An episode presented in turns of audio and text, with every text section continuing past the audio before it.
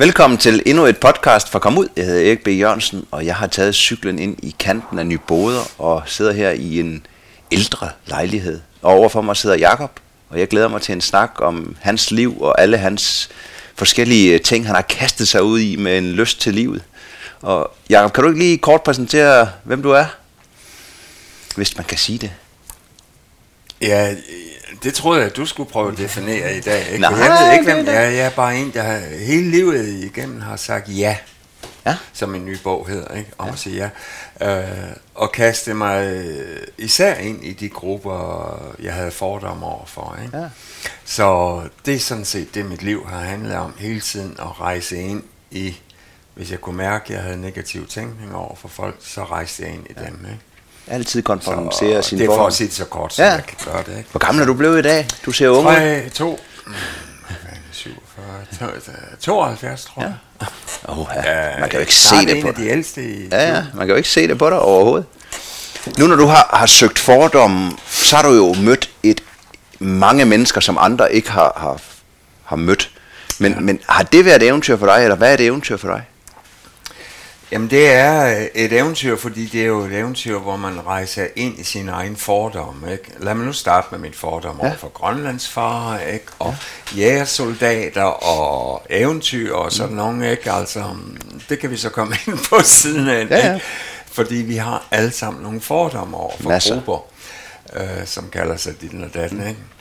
Øh, men det var en lang rejse, inden jeg nåede dertil, ja. vil jeg sige. Ikke? Øh, den største rejse, og det er noget af det, jeg beskriver i min nye bog om at sige, ja, den største rejse var derude fra landet i Vestjylland ind i storbyen Esbjerg. Ikke? Og det kunne jeg Det forestille var jo virkelig en rejse, der battede, ikke? Ja. Og, og prøve at begå sig derinde, ikke? Blandt folk, der talte fint. Ja. Hvordan, hvordan, du, er du, du er opvokset der syd for Esbjerg? Ja, Ja. ja. sådan ude, ude i en landsby Ja. uden for Esbjerg. Ja. Hvor- hvor- Hvordan, hvordan var det? Altså, var det landbrugslivet, eller hvad, hvad var det?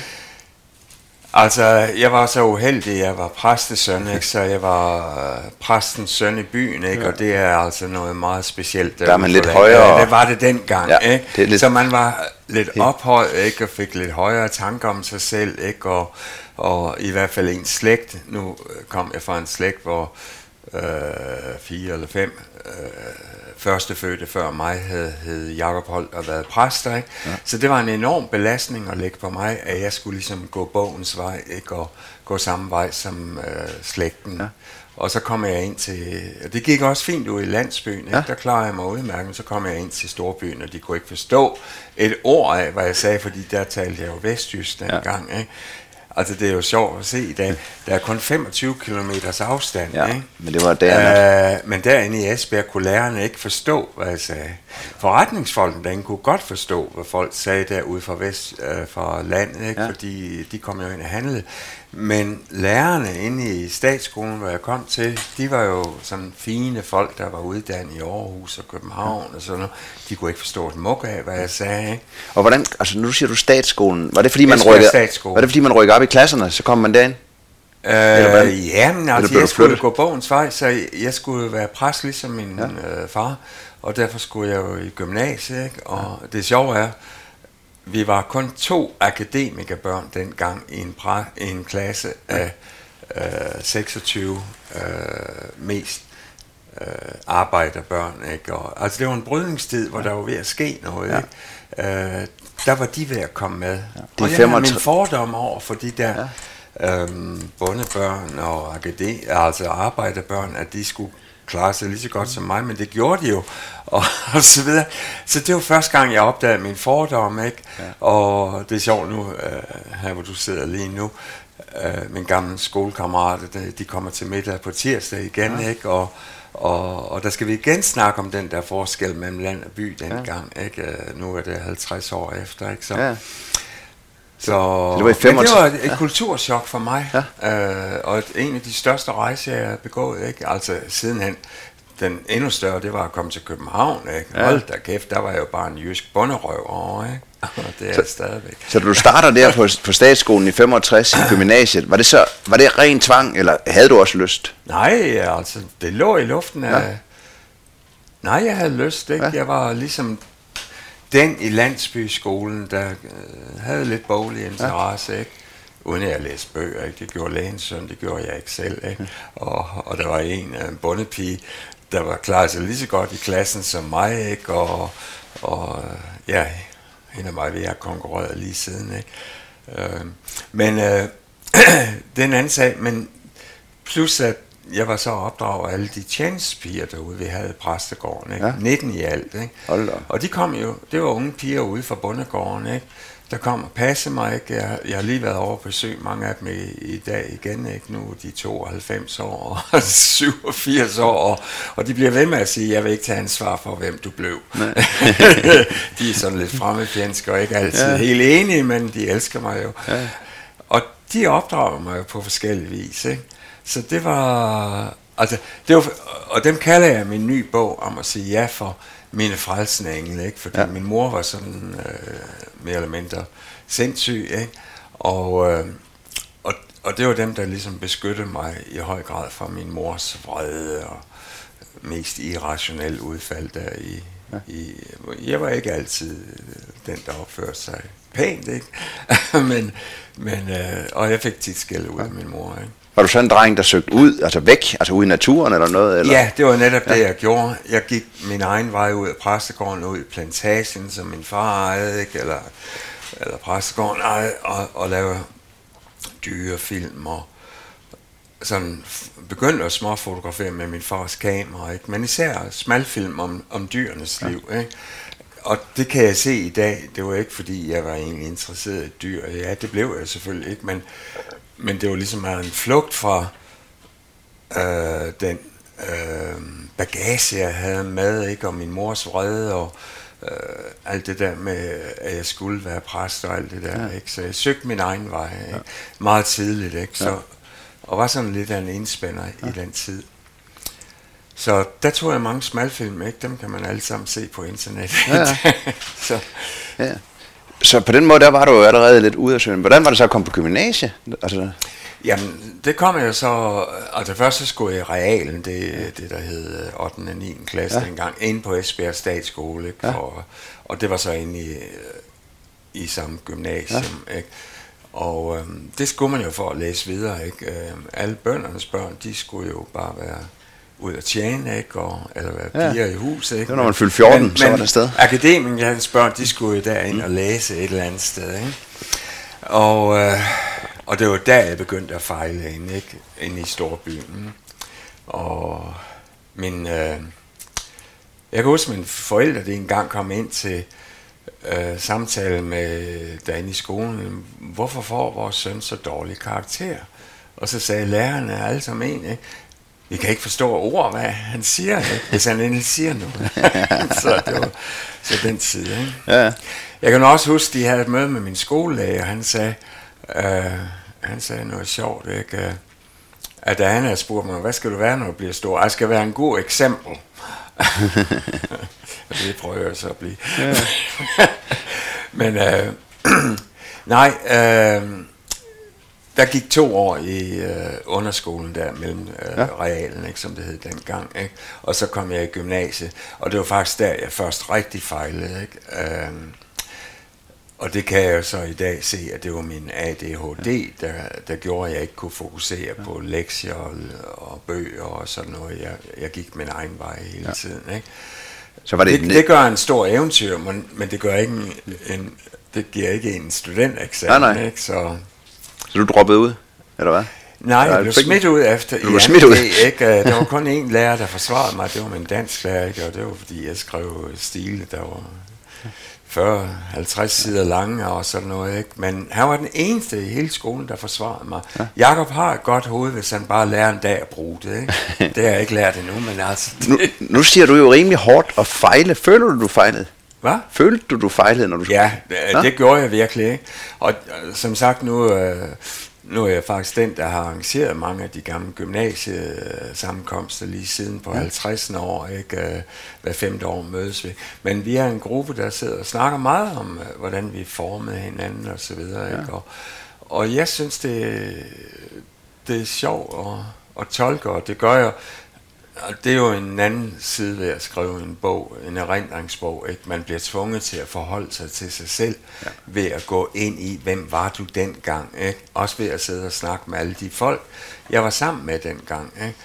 Og, øh, og det, øh, det bliver man aldrig helt færdig med. Nej. At forstå, hvad det var for nogle faktorer, der, der gjorde, at jeg pludselig blev smidt ud. Ja, jeg fik mange advarsler af lærerne, men jeg kunne ikke tage mig sammen. Ikke? Og, og det var jo en kæmpe tragedie, ikke? At præstens søn, ikke? Han var blevet smidt ud af skolen, og min far, han prøvede at dæmpe det ud af til i sovnet, ikke? det måtte de ikke få at vide. Det måtte de jo ikke rigtig vide, nej. Ikke? Nej, men uh, hans søn havde jo valgt nu at gå en anden vej, og sådan noget hed det pænt, ja. ikke? Uh, så, men, men jeg kan bare se, at det har været en drivkraft i mit liv, fordi uh, altså lige siden har jeg uh, så kompenseret ved at blæse mig op til at være øh, bedre på andre måder, ikke? Øh, den største antiracist og alt muligt, ikke? Øh, og, øh, og så videre. Kompenseret for den smerte, jeg havde ved det nederlag, jeg led dengang, ikke? Og, øh, og det har været en drivkraft i mit senere liv, ingen tvivl om ja. det. Og øh, mine gamle skolekammerater, de bliver ved med at trøste mig med, Jakob, du skal nok blive til en, noget til en dag, ikke? hvis du bare tager dig sammen. Ikke? Ja. Men vi skal jo alle sammen have en eller anden drivkraft. Ikke? Jo. Men, jo, og ja. det tror jeg faktisk er en drivkraft blandt mange ja. eventyr, eller hvad vi nu kalder dem for. Ikke? Ja. Øh, der er et eller andet, man vil præstere eller, eller vise. Eller præstere ja. et eller andet ikke? Øh, på en anden måde måske. Ikke? Så. Men når man så står der lige pludselig og, og bliver smidt ud, så ryger kammerater. Var der nogen plan? Eller? Ja, jeg har ingen plan. Ikke?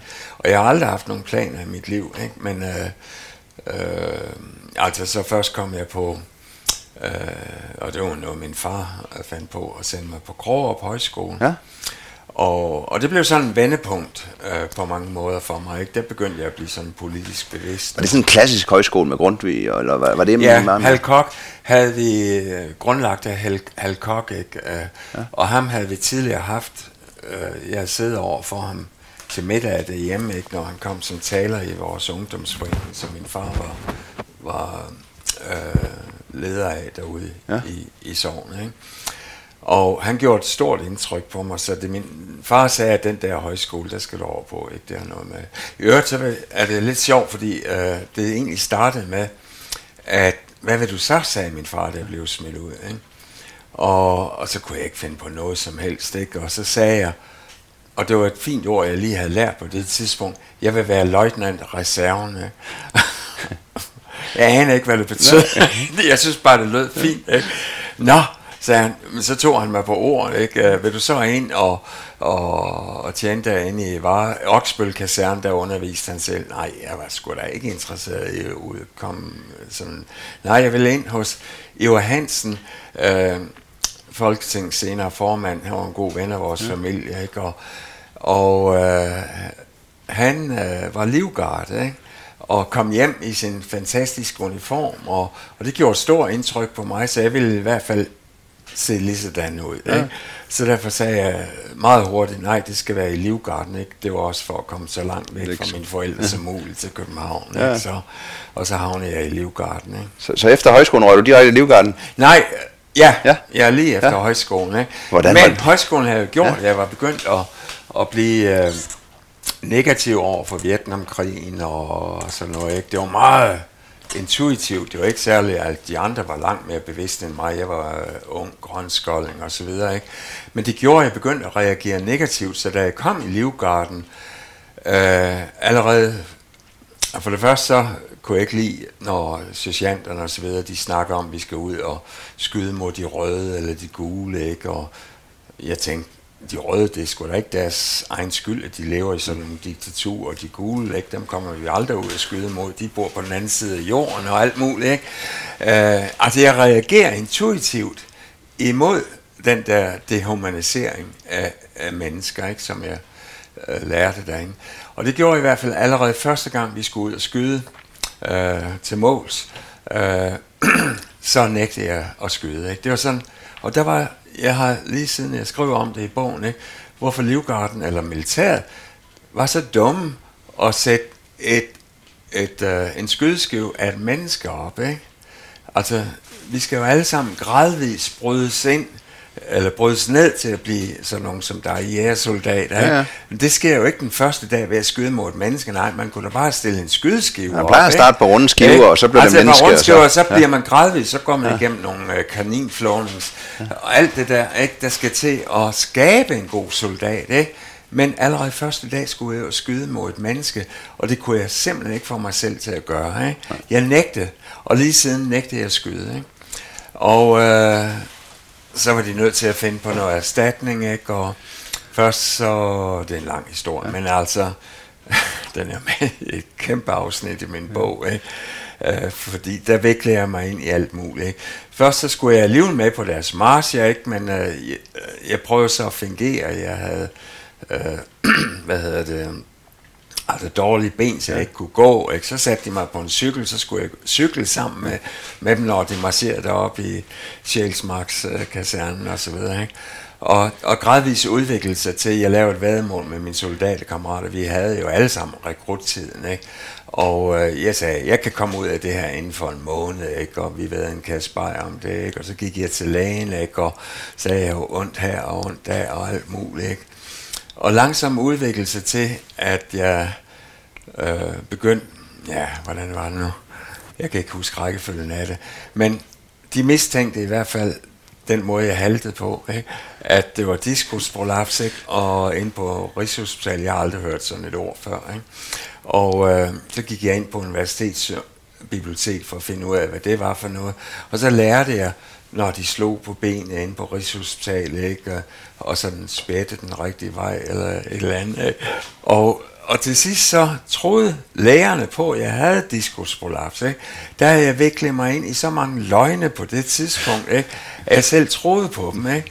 Og de indstillede mig til operation inde på øh, det, der hed Militærhospital dengang på Tagensvej. Så heldigvis havde jeg en kæreste, som jeg havde fundet på, min første kæreste, øh, på højskolen, og hun var sygeplejer derinde, ikke? Så hun vidste jo, at det der, det var helt galt. Ikke? Hun, for det første vidste hun også, at det var løgn, alt det, jeg havde bildt mig selv ind. Ikke? Og, øh, men det værste er, man bilder sig du begyndte at tro på det selv. Man begyndte ja. at tro på det selv. Så jeg sagde, jeg vil da tage den der operation. Ikke? Hun vidste, hvor stor risiko der var i sådan en uh, diskusprolaps ja, uh, operation dengang. Jeg er ikke sikker på, at det er det samme i dag, ja. men det var det dengang. Ikke? At jeg kunne blive lam for evigt, ikke? og hun tvang mig så til ikke at tage den operation. Og det betød, at jeg så, da jeg nægtede den operation, så uh, kom jeg over i værkstedskompaniet, der, og det var nu Sandholmslejren, ikke? og blev mere og mere adskilt fra mine soldaterkammerater, ikke? eller fuldstændig adskilt. Ikke? Og det er den værste tid i mit liv. Ikke? Jeg blev simpelthen marginaliseret, ikke? og øh, nu begyndte de jo at føle stolthed over deres soldater samvær og alt det der, og jeg følte mig udenfor. Ikke? Øh, det er den største prøvelse, jeg har været på i mit liv, men jeg viklede mig selv ind i den gennem min løgne, ikke? og det ene førte til det andet, og, og pludselig var jeg uden for det kompani. Og som jeg skrev min ny bog. Det tog mig 50 år, inden jeg fik mig integreret med mit gamle øh, kompani ja. øh, til 50 års jubilæet, ikke? Der var vi så alle sammen gamle og lige krøblinge, ikke? Ja. Så, kan man, så kan man grine af det. Øh, inde på godt ja. kaserne, ikke?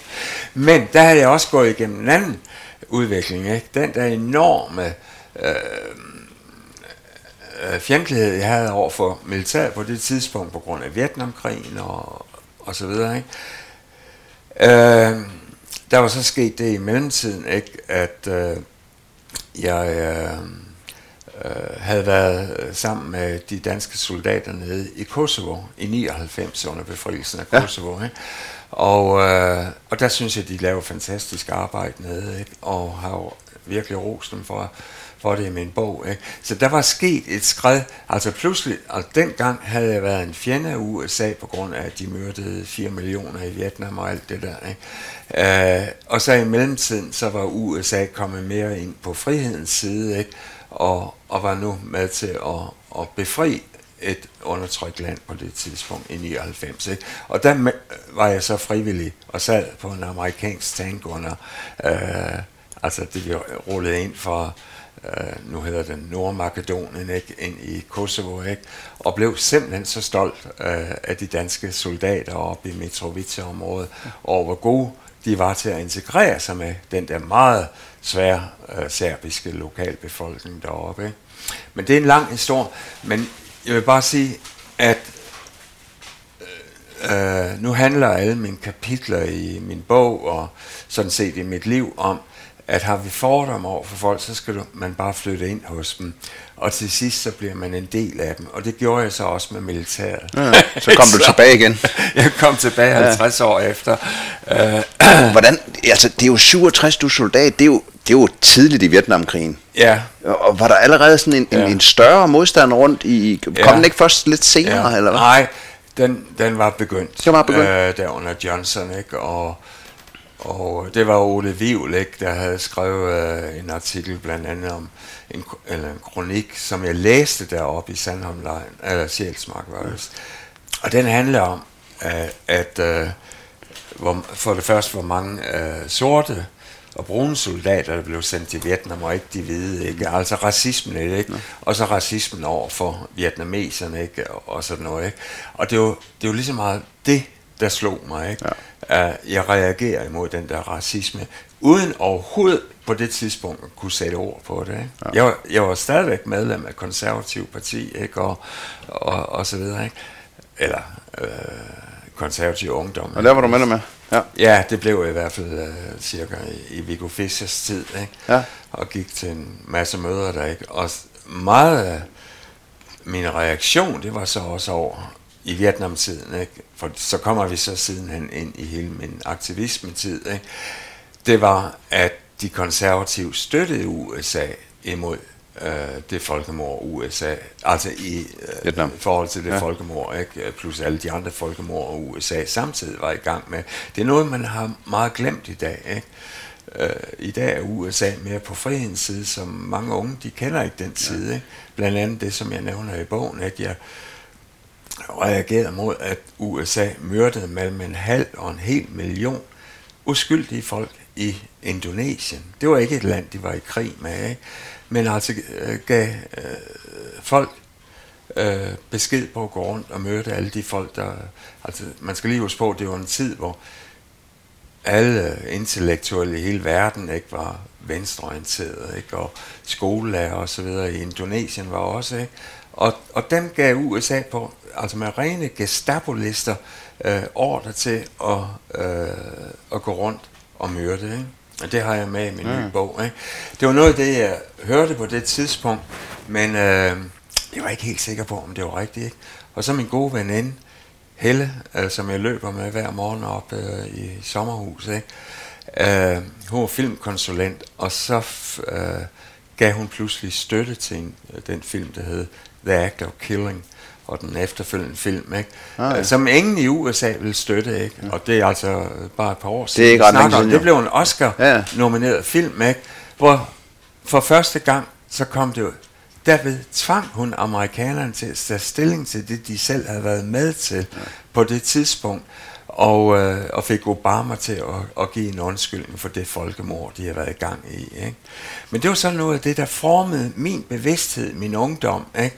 at USA gjorde den slags ting. Ja. Overalt, altid i antikommunismens navn. Jamen det var altså, den der kamp, det, hvor man ja, ja. støttede guerillaer rundt omkring, ja, og, støtte, og så russerne på den anden side, og så lå de andre føre kampene. Ja, ja. så Ja, men det var meget få steder, at russerne overhovedet var involveret ja. i. De sendte måske nogle våben engang. Vietnameserne ville jo ikke engang uh, arbejde Nej, sammen med russerne ikke og kineserne. Ikke? De var jo så selvstændige. Ikke? Fordi ellers var de jo bange for at blive overtaget. det er en lang historie. Ja. Men altså, øh, det er jo en meget lang historie, der har formet mig frem til, at jeg endte med at, at direkte rejse til uh, The Belly of the Monster, som ja. Che Guevara kaldte USA, for at bekæmpe fjenden indenfra. Ikke? Men hvordan, hvordan, hvordan stod du så? Altså, så er du udgået, så kom du i militæret og blev kasseret der med din ryg.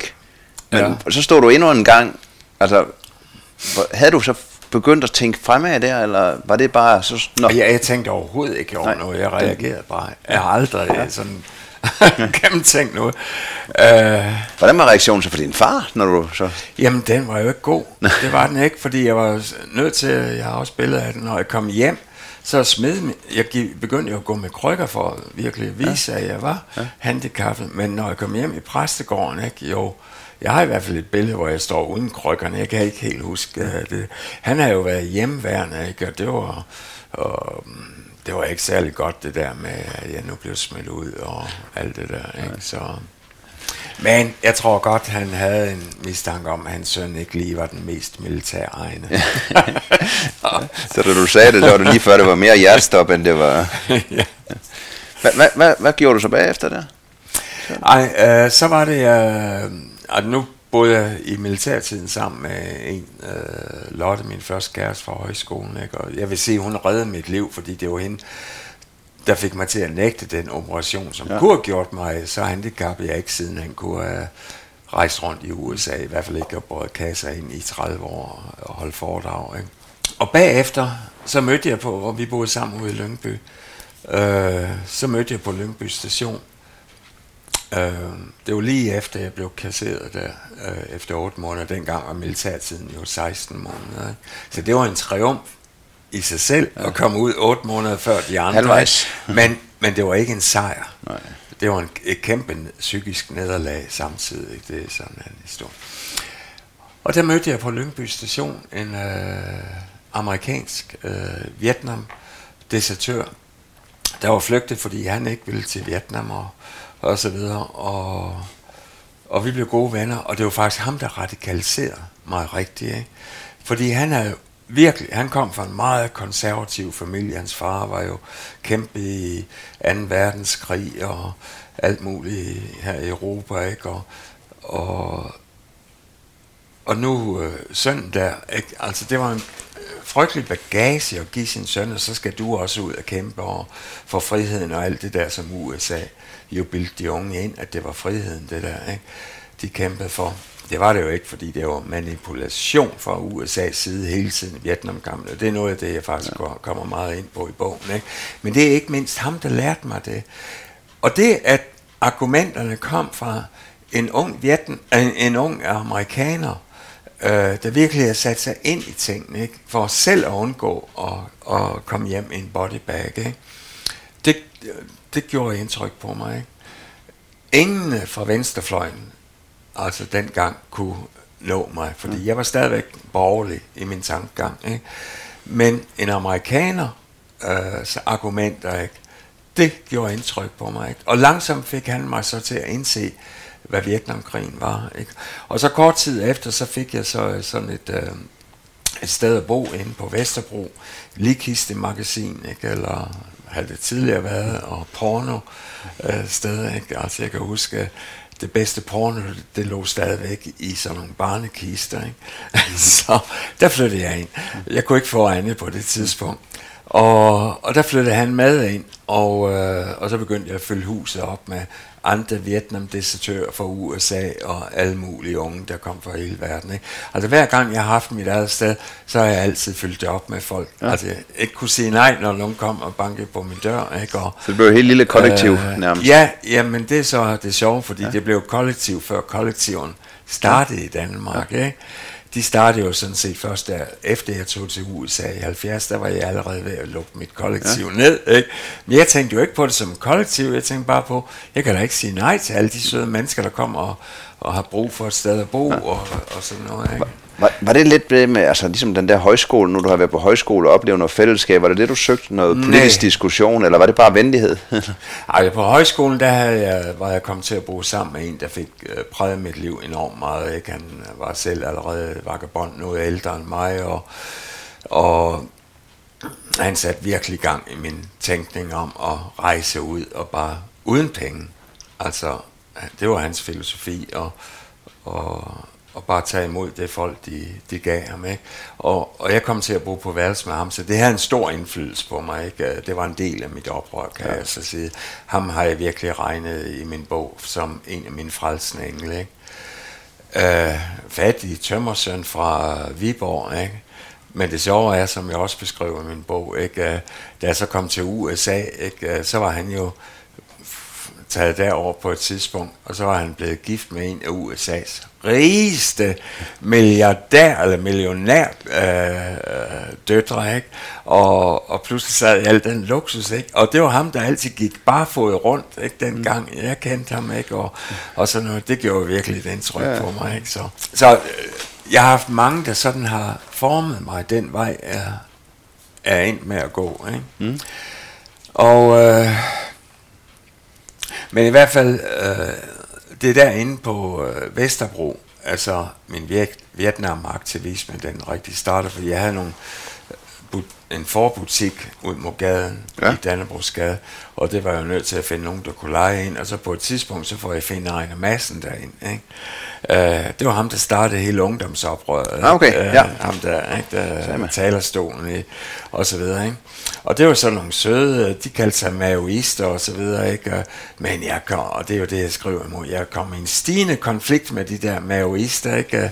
Som jeg hele tiden synes gik for vidt, ikke? Altså, jeg var, og de kaldte mig for en vestjysk bonderøv og, og og, og bolighej, ikke fordi de også skulle betale husleje til mig ved at bo der, sådan noget. Men det var faktisk fra mine butikker, eller min butik der i Danbrugsgade nummer 4, er hele ungdomsoprøret startede. Ikke? Fordi det var der, de lavede alle deres plakater, og som de malede byen rød med på det tidspunkt, maoistiske plakater og, og sådan noget. Ikke? Og, øh, og det var der, han så øh, startede øh, alt det der, han så er kendt for sidenhen. Ikke? Han stod i øvrigt her til min 50-års fødselsdag og sagde, ja, Jacob, du er jo altid ham den reaktionære, ikke? Og, og der forsvarede USA. Det var en stor anklage dengang. altså, men det var sådan, maoisten så mig. Ikke? Ja. Og, og, og det er egentlig, når jeg nu skriver og tolker mit eget liv på det tidspunkt, ikke? Så synes jeg, det er lidt sjovt, fordi, øh, fordi han, og han var psykologstuderende, han burde jo ikke have gjort det, ikke? og de andre maoister derinde, ikke?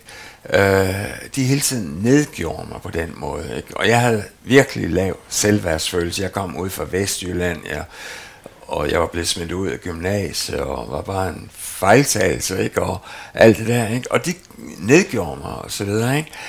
Øh, mens samtidig så kom jeg i 69 ind, og, og det var Anke Jørgensen, der fik ind, mig ind i Vietnam 69 bestyrelse. Ja. Og øh, Anker Jørgensen, det var lang tid før han blev statsminister ja. og alt det der, ikke? Han var smedformand eller et eller andet, ikke? Øh, og han sad og roste mig for mit Vietnam-engagement og så videre, ikke? Og, og han byggede mig i virkeligheden op øh, med den der lave selvværdsfølelse, jeg havde, ikke? Og jeg kunne på det tidspunkt have gået hvad som helst vej, ikke? Ja. Og den vej, vi går, det er jo typisk dem, der roser os mest, ikke? Og hvis maoisterne, der, de havde ros mig og fået mig ind i deres fællesskab, så var jeg måske gået den vej. Men det er jo dem, der, bortset lige fra Finn Madsen, blev til Blekingadebanden ja. sidenhen. Ikke? Holger Jensen ikke? og alle de andre, de var derinde. Ikke? Og, og sådan noget. Ikke? Mens Anke Jørgensen i virkeligheden byggede mig op, og derfor er han en af mine store frelsende engle i dag, når jeg ser tilbage til det unge, usikre menneske, jeg var på det tidspunkt, ikke? Øh, at han gav mig lidt selvværdsfølelse over at komme ind i en bestyrelse. Ikke? Og det blev jo så, og det sjove er så hele den bevægelse, de satte i gang der, ikke? Vietnam-demonstrationerne og så videre, ikke? Straks han kom til magten i, var det 72, 73, ikke? og anerkendte øh, Nordvietnam og så videre, ikke? så holdt øh, alle Vietnam-protesterne op i Danmark. Ikke? Fordi det, det handlede om, det var jo, at, øh, at vi ikke skulle samarbejde med amerikanerne i det der forfærdelige, øh, den forfærdelige fejltagelse, de har kastet sig ud i, i, i blind øh, ideologi ikke, på det. Øh, og, og der havde Anke Jørgensen fra en demokratisk position mod til at tale USA midt imod, ikke? ligesom uh, Olof Palme i Sverige lidt før. Ikke? Mm. Uh, så det blev sådan set min fløj med Anke Jørgensen, der vandt, fordi alle de der oprør i Danmark, de holdt op på det ja. tidspunkt. Ikke? Det handler jo bare om at få de borgerlige til at holde op med at samarbejde. Altså den der samarbejdsregering, vi havde på det tidspunkt ikke? Øh, med USA. Ikke? I det største, den største fejl, jeg følte, at USA nogensinde har begået. Ikke? Øh, fordi de bare øh, i ideologisk blindhed havde kastet sig ud i sådan et eventyr, hvor de ender med at myrde 4 millioner mennesker i øh, frihedens navn. Ikke? Jo. Øh, Man kan sige, at Afghanistan, der er ikke så mange tab, men du er tæt på det. Øh, nej, men prøv lige at sammenligne ja. ikke? Hvis, øh, med, med Irak. Ikke? Vietnam på det tidspunkt havde 27 millioner nord-syd. Ikke? Øh, det er det samme som Irak havde, øh, da vi gik ind i Irak. Ikke? Prøv lige at forestille, at vi har myrdet 4 millioner irakere, hvad det ikke havde sat i gang ja. af oprør rundt om i verden. Vi mødte måske 100.000, ikke, eller mm. sådan noget ved at gå ind, ikke? men i hvert fald, der er, altså det, ja, det er meget større altså, der, med det, det er jo. at det er så ja. virkelig stort, at man kan bevæge sig ud i sådan en blindhed. Ikke? Øh, ja, og jeg elsker amerikanerne, ja. ikke? Og, men, men jeg ved, hvordan alle mennesker kan forvikle sig ud i noget, de ikke rigtig ja. tænker Man ser jo også krigens udvikling, altså 2. verdenskrig med, med tabstal. Ikke? Vietnam er jo egentlig den sidste krig, sådan, ja. hvor man altså, har den gamle tanke ja. om tabstal, ikke? Ja. hvor man bare holder på. Ja. Hvor i dag er det jo det er slet ikke acceptabelt på samme Nej. måde. Men, men det sjove er jo så med Johnson, som var mit store fjendebillede, ikke? Altså han blev jo så samtidig min store allierede i, i, øh, under borgerretskampen, ikke? Fordi han, gjorde, han var den første, der ja. kunne gøre noget fornuftigt for de sorte i USA. Og det synes jeg er meget vigtigt også at forstå at de mennesker, vi kan demonisere på en måde, kan vi jo samtidig elske på andre måder. Ja. Ikke? Vi har alle sammen noget godt at Og vi alle sammen, vi kan jo have en oplevelse mod ja. hinanden på et tidspunkt, så rykker ja. vi os i livet, og, så, ja. og så, så, så ændrer vi jo også holdning og ja. synspunkter, og man er jo ikke uenig om alt. Nej. Nej. og så førte det jo egentlig til, til der, hvor din, det, hvor du blev mest kendt for, kan man sige. Det starter ja, med, at du tager så på, i virkeligheden min åbenhed for alle de folk, der bare bankede på min dør dernede i Dannebrog Ikke? Um, ham Steve der fra Amerika, ikke? en dag så har han slæbt en kanadisk uh, bortløbende pige hjem, ikke? han har mødt på strøget, hun har brug for et sted at bo. Så får jeg hende ind, og så bliver jeg lidt kæreste med hende, hun var kun 18 år på det tidspunkt. Og så bliver hendes forældre, rige forældre i Kanada så glade for, at jeg har taget mig af deres datter, ikke? at øh, moren kom over, jeg glemmer ikke første gang, hun kom i stor minkpels, og jeg ved, og, og jeg boede virkelig i altså et hippie-kollektiv, ja. eller noget i den stil, ikke? Øh, og, øh, og hun kunne straks lide mig, ikke? Og hun inviterede mig til Canada, ikke? Øh, og først til Tunis, og alt muligt, ikke? Hvor øh, faren var læge nede på det tidspunkt, og og så videre. Ikke? Men det er sådan nogle tilfældigheder, der gør, at jeg så havnet i Canada. Ja. Øh, og arbejde på deres gård et helt år. Ikke? Og, øh, og det havde jeg egentlig ikke tænkt på som så vigtigt, ikke? men mit forlag fik mig til at skrive mere om det, ikke? og der gik det jo så rigtig op for mig, den indflydelse, de havde i Canada. Fordi hende moren der, hun var gammel kommunist, så hun delte min øh, fanatisme, min radikalisering, men hun var for længst blevet klogere. så, øh, altså hun havde i sin ungdom været kommunist og så videre, og så i et eller andet debatmøde havde hun mødt sin mand, ikke, som var kristen, og han havde sagt, lad os gå hjem og snakke videre om det her. Ikke? Det var sådan, de var meget uenige om det, ja. og det endte så med at blive et langt livs, øh, altså ægteskab, ikke? Og og han har sikkert vundet over hende på den måde, at han i hvert fald fik hende, hende afradikaliseret. Ikke? Men det gjorde jo, at hun forstod min idealisme så øh, altså uformuleret, som på mange måder var på det tidspunkt, ikke? og var solidarisk over for den mod sat hendes egen børn, som hun synes var ja, de, de rejste bare verden rundt, ikke, og blaffede, og sådan nogle, i stedet for at have nogle holdning til det hele. Så hun tog mig øh, til sig så, som sin egen søn, men arbejdede på min fanatisme på det tidspunkt op i Canada, ikke? mens jeg arbejdede på farmen. Jeg gik ja. alene med hende ude på farmen et, et helt år, og, og det er jo ikke noget, jeg sådan tænkte over dengang. Hvor lå farmen? Hvad? Hvor lå farmen? Den lå sådan en time uden for Toronto. Ja. Langt ude på landet, ikke? Og det var noget, han bare havde købt, fordi han havde tjent så mange penge som rig læge, ikke? At han skulle have noget til at afskrive det, ikke? Og, og så han købt en masse køer, dem skulle jeg gå og passe. Jeg kaldte dem for Trotsky og Lenin og Che Guevara og alt muligt, ikke? Og, og så videre. Øh, og, og det er faktisk mit lykkeligste år øh, at gå og være øh, bundet farmhand deroppe, ikke, ja. synes jeg. Øh, men det var også det år, hvor jeg øh, skrev øh, mine tanker ned. Jeg havde sådan en hytte, sådan lidt i udkanten af farm, hvor jeg sad om natten og skrev og skrev og skrev. Og det blev til 150 siders tæt skrevet. Jeg har dem liggende heroppe, ikke? Øh, sidder, som er sendt hjem til alle mine gamle venner. Ikke? Og det var i virkeligheden, det var mit, fordi jeg oplevede også samtidig, ikke, øh, at det var øh, i den ensomhed, jeg havde deroppe, ikke? uden at være sammen med mennesker, for eksempel som alle dem, der påvirker mig fra forskellige sider i København, i konservative, borgerlige og venstreorienterede. Ikke? Men der gik jeg helt alene, ikke? og det er faktisk det allerfarligste. Ikke? Det er det mest radikaliserende element. Ikke? Og det er jo det, jeg kan se, når jeg tænker tilbage på min tid. Det var i den tid, jeg blev mest radikaliseret min tænkning, og skrev mit store manifest, ligesom Anders Breivik eller sådan noget, ikke? fordi bagefter ville jeg ned og bekæmpe USA's imperialisme dernede i øh, Guatemala, ikke? som guerilla-kæmper, ikke? og jeg var fuldstændig øh, besluttet på det. Øh, jeg læste en masse bøger om alle de øh, forfærdelige ting, USA har gjort i Guatemala, ikke? og og Latinamerika. Ikke?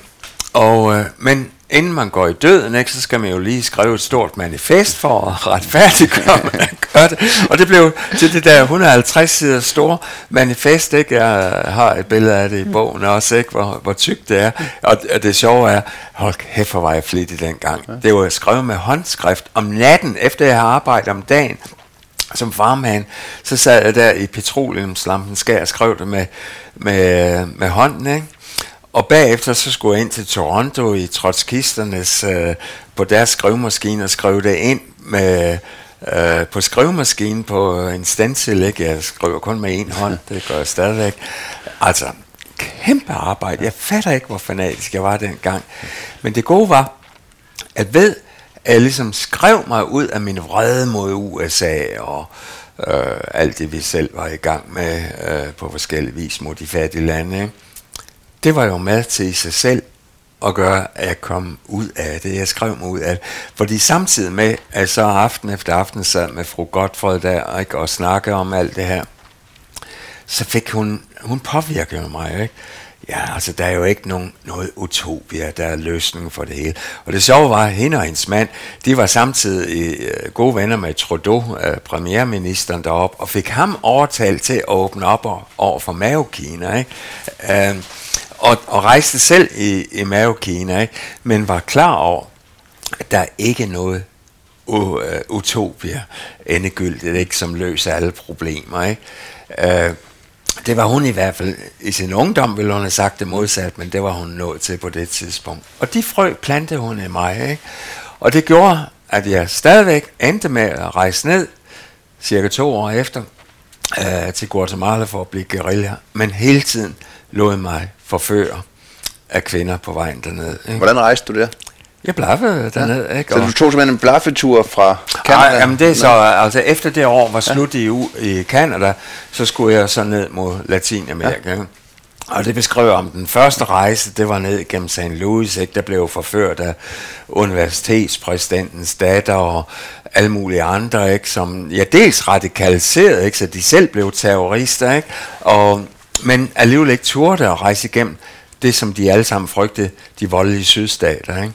Så jeg endte med at vende om og rejse tilbage til USA for at rejse tværs over Canada og ned igennem Kalifornien. Det tænkte jeg, det var en tryggere vej dernede, ikke? i stedet for de der uh, redneck, uh, racistiske sydstater. Ikke?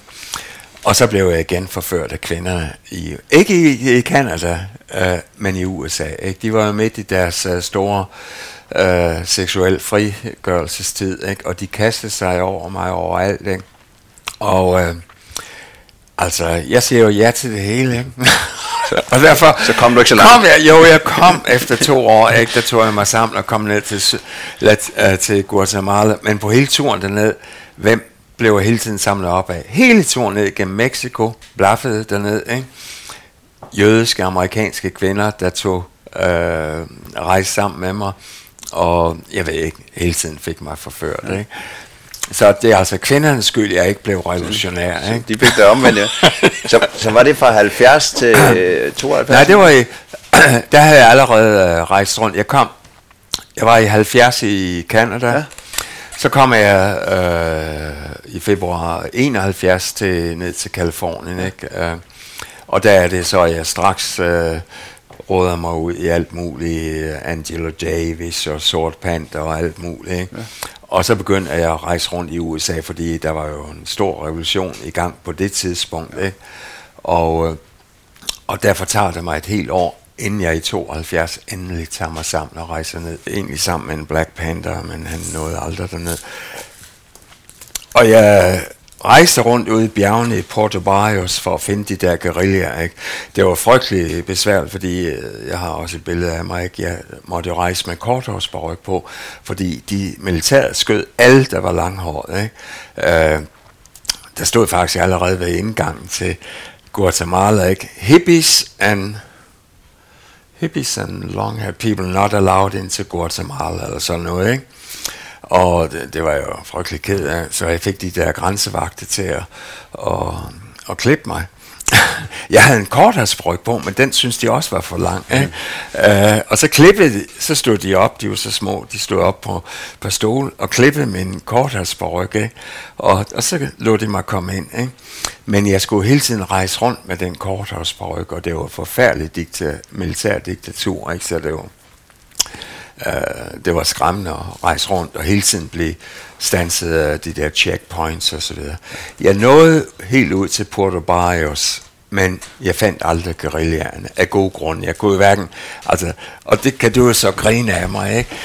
Jeg blev smidt ud af militæret, jeg kunne ikke skyde, ikke? jeg kunne ikke tale band, spansk, ikke? Altså, hvad er det for en skør idé at ville være guerillerne om, man hverken kan det ene eller det andet, ikke? Uh, så jeg havnede hos alle de prostituerede i Puerto Barrios. Det var øh, midt i den tid, hvor de ingen kunder havde, ikke af en eller anden grund, og de kastede sig over mig. Og, men det kan du læse om i et følgende kapitel, der siger, hedder om at sige ja til det prostituerede. Men det var faktisk ved at se smerten hos dem. Altså grunden til, at jeg havnede hos dem, det var, at jeg sad og ventede på, øh, jeg fandt nemlig et øh, nummer af Time Magazine ude i bjergene, ikke? Og øh, der stod, at der ville blive store uroligheder til øh, præsident Nixons øh, genvalg, indsættelse, øh, eller øh, republikanernes øh, konvention der i Miami i 72. Ikke? Så jeg prøvede at få en, en bananbåd over fra Puerto Barrios over til Miami. Og derfor sad jeg og ventede i, ved havnen i lang tid. Det lykkedes mig aldrig, men det lykkedes mig i hvert fald at, at få attention fra alle de der øh, prostituerede, der var der og de kastede sig over mig.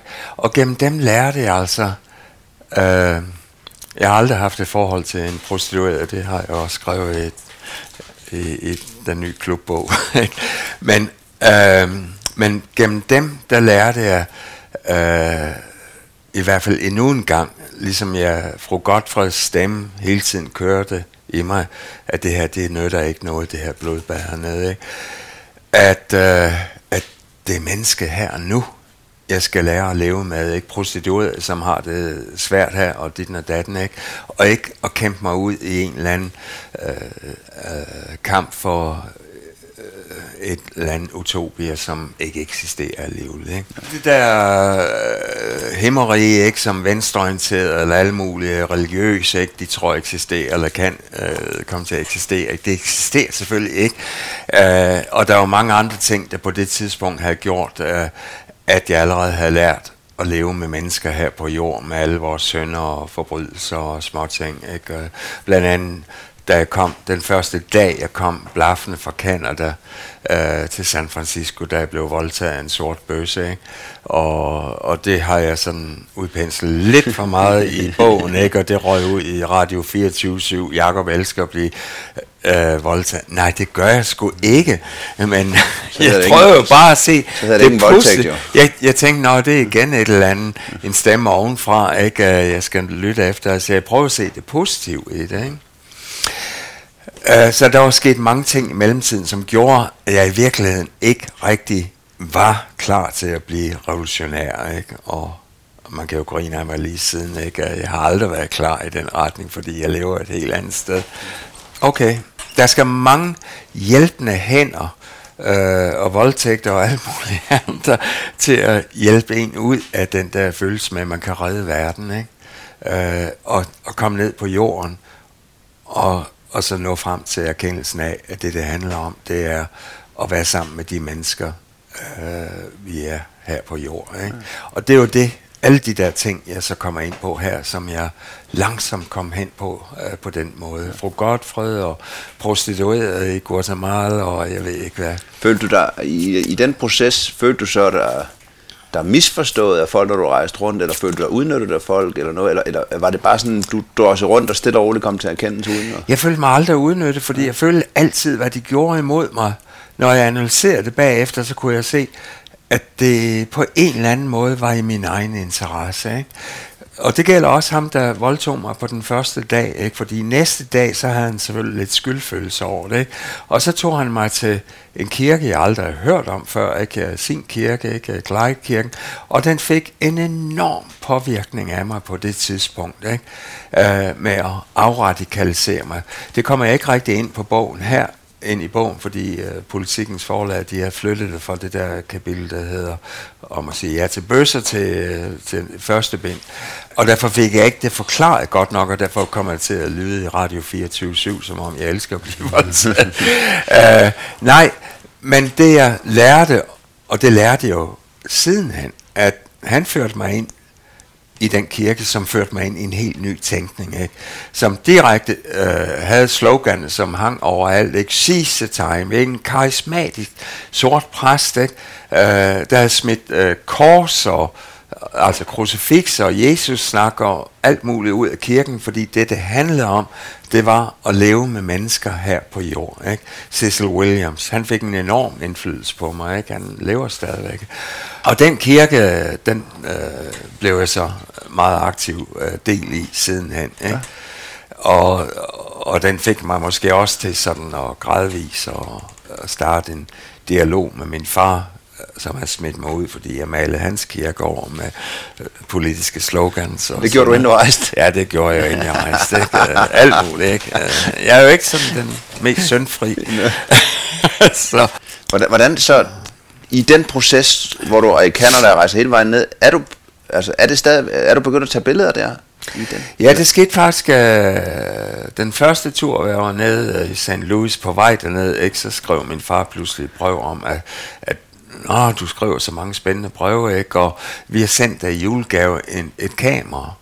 Uh, og det er det så sendt op til Canada, så jeg var nødt til at rejse tilbage til Canada. Det var en af grunden til, at jeg tog vendt om ja. uh, for at få det kamera, ikke? og det er jo så det her, der fulgte mig lige siden. Ja. Ikke?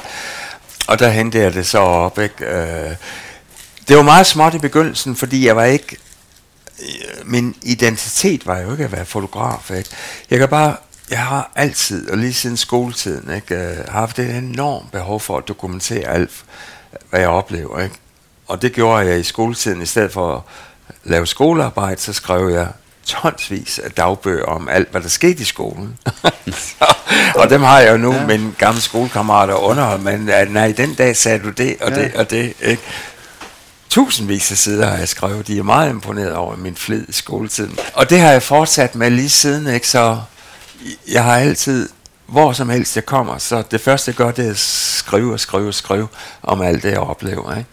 Og så var det min far, han sikkert blev træt af at læse alle de lange breve. Han sendte mig kamera, kan du ikke sende nogle billeder hjem? Ja. Og det blev så starten. Men det var meget få billeder i begyndelsen, ikke? fordi jeg var ikke Øh, jeg tænkte ikke over mig selv som fotograf, for det var nogle elendige billeder, jeg kunne tage med det der kamera. Ikke? Men så begyndte det langsomt at tage overhånd. Ja. Ikke? Men det var faktisk først, da jeg opgav i, i Guatemala og vendte tilbage, og, og følte, at min virkelige identitet, det var i, i ghettoernes smerte, at jeg begyndte at, at fotografere med det kamera. Ja. Ikke? Så, og det, så det udviklede sig. Ja. Der, der, der var jo gået nærmest to års rejsetid, ikke, kan man sige, så du, inden jeg begyndte. Så, så du erkender du ikke øh, skal være guerilla og forsvinde dernede? Ja. Så, så, så, så, tænker du, er, er, det, er det igen, ja, vil du ind, jeg fornøjer mig lidt, hvis jeg skal sætte nogle ord på, hvad når jeg hører det. Du ja. jagter alting. Altså ja. det, når du sidder i skolen, så sidder du og skriver om, hvad det er, og du ja. jagter andre. Og, ja. Var det så for at komme ud og jagtage i ghettoerne, eller var det for at dokumentere deres liv? Nej, nej. Altså, øh, jamen det, det var det ikke. Det, altså det var aldrig noget bevidst Nej. på den måde. Ikke? Så du blaffede bare videre? Uh, ah, der, det er jo, der er altid kærlighedshistorie bag, bag det her. Ikke? Fordi slutningen af det første år, der er 71, der møder jeg som mit livs kæreste, ikke? Uh, Marley Sokol, ikke? Uh, min første rigtige jødiske kæreste, ikke? Og, og hun kom fra en overklassefamilie der i Boston, og vi skulle giftes og alt muligt. Ikke? Og, og det var 71, ikke? Øh, slutningen af 71. Og, øh, og der er det, jeg begyndte at føle, at det der overklasseliv, er det måske mig, ikke? Øh, så jeg gik og romantiserede sorte kvinder og brune kvinder og alt muligt, ikke? Altså det, der ligesom hørte min verden til, at vi venstreorienterede på det tidspunkt, vi havde sådan en eller anden idé om, at man skal gifte sig med revolutionen. Ikke? så et eller andet billede havde jeg om, at jeg burde have en fattig sort eller et eller andet kone, i stedet for sådan en rig jødisk øh, kone. Ikke? Og, og det gjorde i hvert fald, at... Øh, at øh, på et tidspunkt, mens vi levede der i New York sammen, og så købte hun en paryk, ikke, og sort paryk, afro og gik med den, ikke, og sagde, will you now pay attention to me, mm. og jeg skammede mig simpelthen sådan, ikke. Og den film, der Danmarks Radio laver om at for nylig, ikke, der sidder hun jo så herinde i stuen, ja. ikke, det har, det har jo været vennerlig ja. siden, ikke, og så pludselig havde filmselskabet fået den idé at give den paryk på mm. igen, og jeg var simpelthen så på, og så noget andet, hun afslørede, ikke, det var et brev, eller sådan en plakat, jeg havde lavet med Black Girls Wanted, eller sådan noget, ikke? så det var frygteligt. Uh, men det var det sted, jeg var på det tidspunkt. Jeg følte mig skyldig, hvis jeg giftede mig med en rig. Jeg skulle da have en af de der fattige, jeg uh, var ude efter. Ikke? Så på et eller andet tidspunkt, så er hun med mig i Danmark der i julen, uh, hvor jeg fandt nogle billige rejse, ikke? og så tog hun tilbage, og før mig, og der var jeg allerede begyndt at holde nogle få foredrag i Danmark, og folk var fascineret af alt det, jeg snakker om revolutionen i USA, ikke? Og, så jeg blev ved med at trække det ud, og hun tager tilbage for at læse videre i New York University, og så, siger, så ringer hun og siger flere gange, nu må du altså vende tilbage, ikke? og jeg blev ved med at trække det ud, ikke? Øh, og så ringer hun på et tidspunkt og sagde, Altså nu må du skynde dig at komme tilbage, for jeg er blevet forelsket, eller jeg er ved at blive forelsket i Che Guevara's tid, nej undskyld, Fidel Castros tidligere våbenfælde Enrique, ikke? altså man havde kæmpet sammen med bjergmænd, som nu var blevet kontrarevolutionær og havnet i USA. Og det var det værste, hun kunne sige til mig, som romantiserede Cuba og alt det der på det tidspunkt. Ikke? Og jeg tænkte, nej, det er sgu igen nu, hun bare siger for at lokke mig tilbage hurtigst muligt. Ikke? Så jeg trak det ud. Da jeg så kom tilbage den 22. april 72, øh, så var hun flyttet sammen med Enrique. Ikke? Og det var knusende nederlag, for hun har delt alle mine fanatiske øh, idéer, ikke? Og, og, og så videre. Hun strikkede den der Vietcong øh, sweater til mig, og, som nu er udstillet på KGB-museet på Langeland. Ikke? Og, og sådan noget. Og, øh, og der gik jeg fuldstændig sort, ikke? fordi jeg følte, der havde jeg virkelig brændt min bror bag mig. Ikke? Og øh, det var den sommer i 72, der gjorde, at jeg først tænkte, om så kan jeg lige så godt tage Guatemala og miste livet, eller sådan et eller andet, ikke? Og da det ikke lykkedes, ikke, på grund af andre jødiske kærester, der forførte mig undervejs, ikke, så vendte jeg tilbage til USA, og så begyndte jeg og kaste mig ud i de sorte ghettoer. Ikke?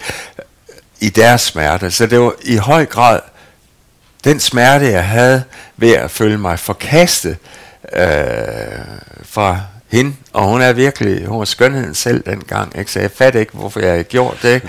Uh, hvorfor jeg har brændt min bror, og hun er heller aldrig fattig, hvorfor jeg har gjort det. Og, og det på det tidspunkt, i min smerte, er jeg begyndt at, grave mig ud i de sorte smerte i ghettoerne, ikke? Øh, det kan jeg tydeligt se. Og jeg har skrevet med hende lige siden, ikke? og hun er psykolog, og alt, hun er 10 gange mere intelligent end mig, ikke? så hun har altid analyseret alt, hvad jeg har gjort, ikke? og kan tydeligt se det mønster der. Ikke? Øh, og øh, vi har været venner lige siden jeg har været til alle hendes bryllupper, ikke? hun fik tre mænd efter mig, og de var alle sammen lige så fuldstændig fanatisk venstreorienteret som mig, ikke? og det gjorde, at hun forkastede dem alle sammen. Og så i 2004, der skrev hun til mig og Vivi, min kone, ikke?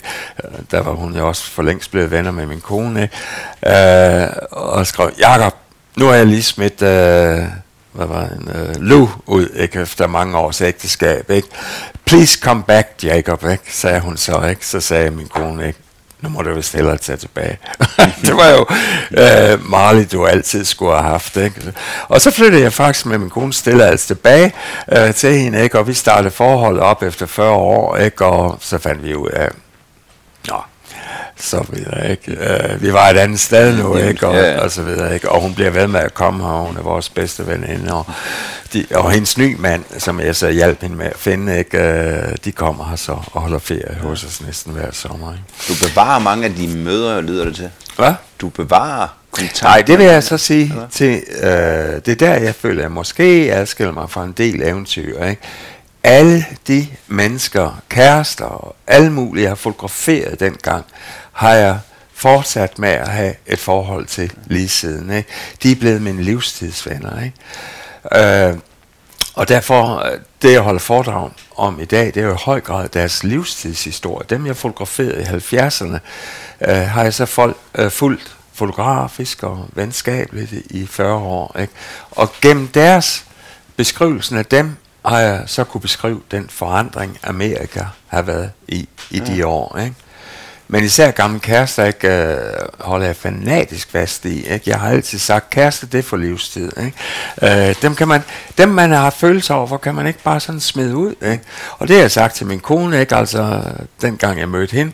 Du må acceptere, du gifter dig med, jeg ved ikke, nu skal jeg ikke nævne antal her, ikke? hvor mange gamle tidligere kærester, hvis du gifter dig med mig. Og det har hun heldigvis indordnet sig. Ja. Ikke? Så de kommer alle sammen her, eller mange af dem, og besøger os hele ja. tiden. Ikke?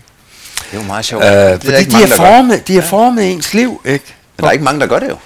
Nej, men det synes jeg og det er det, der også er lidt det. forkert, ikke? at de ikke gør det. Nu sidder Nej, det er en anden historie. Jeg skal, jeg skal lige sige, at grunden til, at jeg er lidt bevidst om lige nu, det er næste bind. Det er jo sådan en 17-bind serie, det der. Ikke?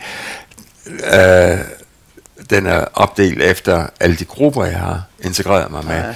Ja. Uh, Kokos Klan og kriminel og muslimer, jeg ved ikke hvad. Ikke? Og lige nu er jeg ved at skrive uh, kapitel om at sige ja til kvinder. Ikke? Og jeg vidste egentlig ikke, hvad jeg ville kaste mig ud i, da jeg begyndte at skrive kapitel. Ikke? Men hold kæft, alle de mænd, der dukker op. Og nu sidder jeg og kommunikerer med alle mine gamle kærester i USA. Hvad skete der egentlig? Hvordan så du mig? Hvad? Uh, alt det der ja. sidenhen på internettet. Ikke? Altså bortset fra alle dem, der er døde. Det er jo virkelig tragisk. Ikke? Uh, en af dem, hun, uh, som jeg beskriver, det er hende her, ikke? Hun fik jo en stor betydning for mig, ikke? Øh, øh, da jeg så sad og skrev om hende, så tænkte jeg, nu må jeg lige tjekke med hende, at det jeg skriver om hende, det er rigtigt, ikke? Og, øh, og så fandt jeg ud af, øh, der, der, der, hvor er hun henne? Øh, der. Så fandt jeg ud at hun lige i skrivende stund var død 90 år gammel. Ja, ja det var da underligt. Uh, så jeg havde altså nogle kærester, der ja. var lidt ældre end mig ja. dengang. Ikke? Uh, men det var hende, der førte mig ind i uh, hele den der tæt kendte historie. Ja. Ikke? Uh, drunk Drive med tæt Kennedy. Ikke? Uh, det var hende, der var Det er jo meget sjovt, at du, du formede det. Men, men de år der, ja. 72 til 75, hvor du blaffer rundt, og ja. det er jo det, der ligesom det former udad til former ja. der i med dine amerikanske billeder jo. Ja. Føler du, da du rejser rundt i de år og blaffer og prøver at leve til livet, og, det, at, at du laver noget, der vil ændre dit liv? Altså, er du klar over, at du laver noget? Eller er det igen? Det, det begynder at komme der, nu kunne jeg vise dig bagefter alle de der øh, bøger, jeg, dem har jeg også omtalt her i, ikke? fotobøger, jeg så laver for at forklare chaufførerne, der samler mig op, hvad det er, jeg laver. Så begynder jeg fremkalde nogle af mine billeder og lave små historier, ikke? Og, og så reagerer de tit meget sådan med tårer og gråd og, øh, og, og giver mig lidt penge her og der, ikke to dollars og sådan lidt, ikke? Og for det tidspunkt, hvor jeg kan se, at jeg sådan er ved at blive en slags brobygger mellem de sorte og de hvide, ikke? Ja, og her taler jeg nemlig især om de, sorte, de hvide chauffører, der samler mig op og reagerer så stærkt på mine billeder, ikke? Der, begynder jeg at blive klar over, at jeg er i gang med et eller andet projekt, uden at vide, hvad det er, ikke? Og det har været der i 73 og begyndelsen af 74, jeg begynder at blive klar over det. Og så er hende, jeg sidder og skriver med lige nu, Tony Dinkins, øh, datteren af borgmesteren i Ocala, ikke? og hende var altså kæreste med, samtidig med et par andre. Øh, så er det, hun en dag tager mig med til sit øh, universitet i Gainesville, og, øh, og der ser jeg for første gang sådan et, øh, et, et lysspilshow på to skærme. Det handlede om kul, kulminearbejder i øh, West Virginia eller sådan noget, ikke? Og med en fortælling, ikke? Og der opdager jeg pludselig, at hold da kæft, den måde, det er jo en mulighed for at præsentere det, man går og laver, øh, kontrasterne, som jeg hele tiden ser mellem rig og fattig og hvid og sort og så videre. Det er jo en fantastisk måde at præsentere det på, ikke? Og jeg har datoen, nu sad jeg lige skrev til hende i går, at øh, 18. april, nej, hvornår var det? 74, ikke? Mm. ser jeg det lysspilshows. Der bliver det virkelig, der bliver jeg bevidst om, at jeg er i gang med sådan et lysspilshow. Og jeg havde allerede en lille øh, øh, bærbar sådan, øh, tape recorder med mig, ikke? Og så begyndte jeg sådan også at lave nogle øh, øh, interviews med folk rundt omkring, ikke? som jeg så sidenhen brugte. Ikke? Så det, det tog mig altså faktisk fire års rejse, inden jeg blev bevidst om, at jeg er i gang med et eller andet, uden at vide, hvad ja. det er for noget. Ikke? Og på det tidspunkt var jeg stadigvæk, mest følte jeg stadigvæk, det er noget, der skal bruges i USA. Ikke? Øh, jeg havde ikke rigtig tanken om at vende hjem. Det var min far, der så pressede mig efter 5-6 år til at rejse hjem, ikke? og alle mulige andre ting, der ja. skete. Ikke? Så det, øh, men det tror jeg, at en hver eventyr vil kunne skrive under på, ikke? at man er jo ikke bevidst om, at man skal være det. Meget, så meget laver man nogle ting, og så ender nogen med at finde interesse i det, ikke? og så ender man med at skrive om det, og så bliver det pludselig til sådan noget. Ikke? Ja, så bliver det ens livsbane eller ja. identitet. Ja. Ikke? Så da du vender hjem på grund af, at din far kalder på dig, så, er det så med det samme ud og vise, hvad du har rent og lavet? Ja, i hans kirke ja. i Esbjerg, ikke, hvor jeg havde så verdens, verdenspremiere den 29. Mm. Øh, februar eller sådan noget, ikke, i, uh, i 1966. Ikke? Men, men, men der vender jeg hjem med en sort kone, ikke? det var jo heller ikke meningen. Det er 76, altså, ikke? 76. Ja, sagde jeg ikke det? Ja, du sagde 66 nemlig. Ja, ja. 76. Men, men du var tilgivet for at male kirken? Ja, øh, nu har vi haft en lang dialog, ikke? og han følte, at det var sådan en måde for mig at ligesom overbevise øh, folk i sovnet om, at hans far var ikke en total taber eller sådan noget. Ikke? Så han hjalp mig med at, og, så, nogle penge til at sk- købe de der lysspilprojektorer for og sådan noget. Ikke? Og, og jeg glemmer aldrig det der første foredrag, men jeg havde to måneder til at lave noget, som endte med at blive en verdenssucces. Uh, jeg kalder det i i min bog her for mit vestjyske show. Fordi jeg tænkte jo aldrig, at det skulle vises for andre end lige nogle få skoler og kirker derude, og så ville jeg tilbage til USA. Ikke? Ja. Og derfor tænkte jeg ikke særlig meget over det. Jeg fact-check, ikke? Og alt det der, man skal gøre for at lave sådan noget. Ikke? Uh, det røg ud af mig. Jeg kom hjem der lige før jul, og allerede to måneder efter var det øh, skrevet ned, det tror jeg, jeg gjorde på en uge, ikke lige så hurtigt som Kai Munk skrev ordet i en anden vestjysk præstegård, ikke? og indtalte på min fars gamle båndoptager, og skulle til København for at lære, hvordan man sætter sådan noget sammen, ikke? og på to måneder, så er det færdigt, ikke? og jeg fatter det ikke, at det er stort set, øh, det var, jeg tænkte, det skal bare være, hvis det går godt, så kan jeg altid lave det om, når jeg kommer til alle de intellektuelle i Aarhus og København og sådan noget. Ikke? Øh, så må jeg sætte mig ned og tænke mig om Ikke? Men det fik jeg aldrig gjort. Det blev en kæmpe succes med det samme. Der spredte sig ud over hele landet. Ikke? Information, de lavede turnéer for mig, ikke? Øh, og, øh, og så videre, så videre. Ikke? Ja. Og, og det sjove var, da jeg så endelig efter øh, det er 76, 25 år, noget, laver øh, min slutversion, ikke? det jeg kalder Millennium-version, ikke? eller Harvard-version, ikke? fordi der var, nu har jeg været så mange gange på Harvard i mellemtiden, ikke? at jeg fik øh, øh, især Harvard-uddannede folk og professorer til at gå igennem manuskriptet, fordi nu skal det køre til evig tid, det her. Ikke? Øh, og derfor kalder jeg det Harvard-edition. Ikke?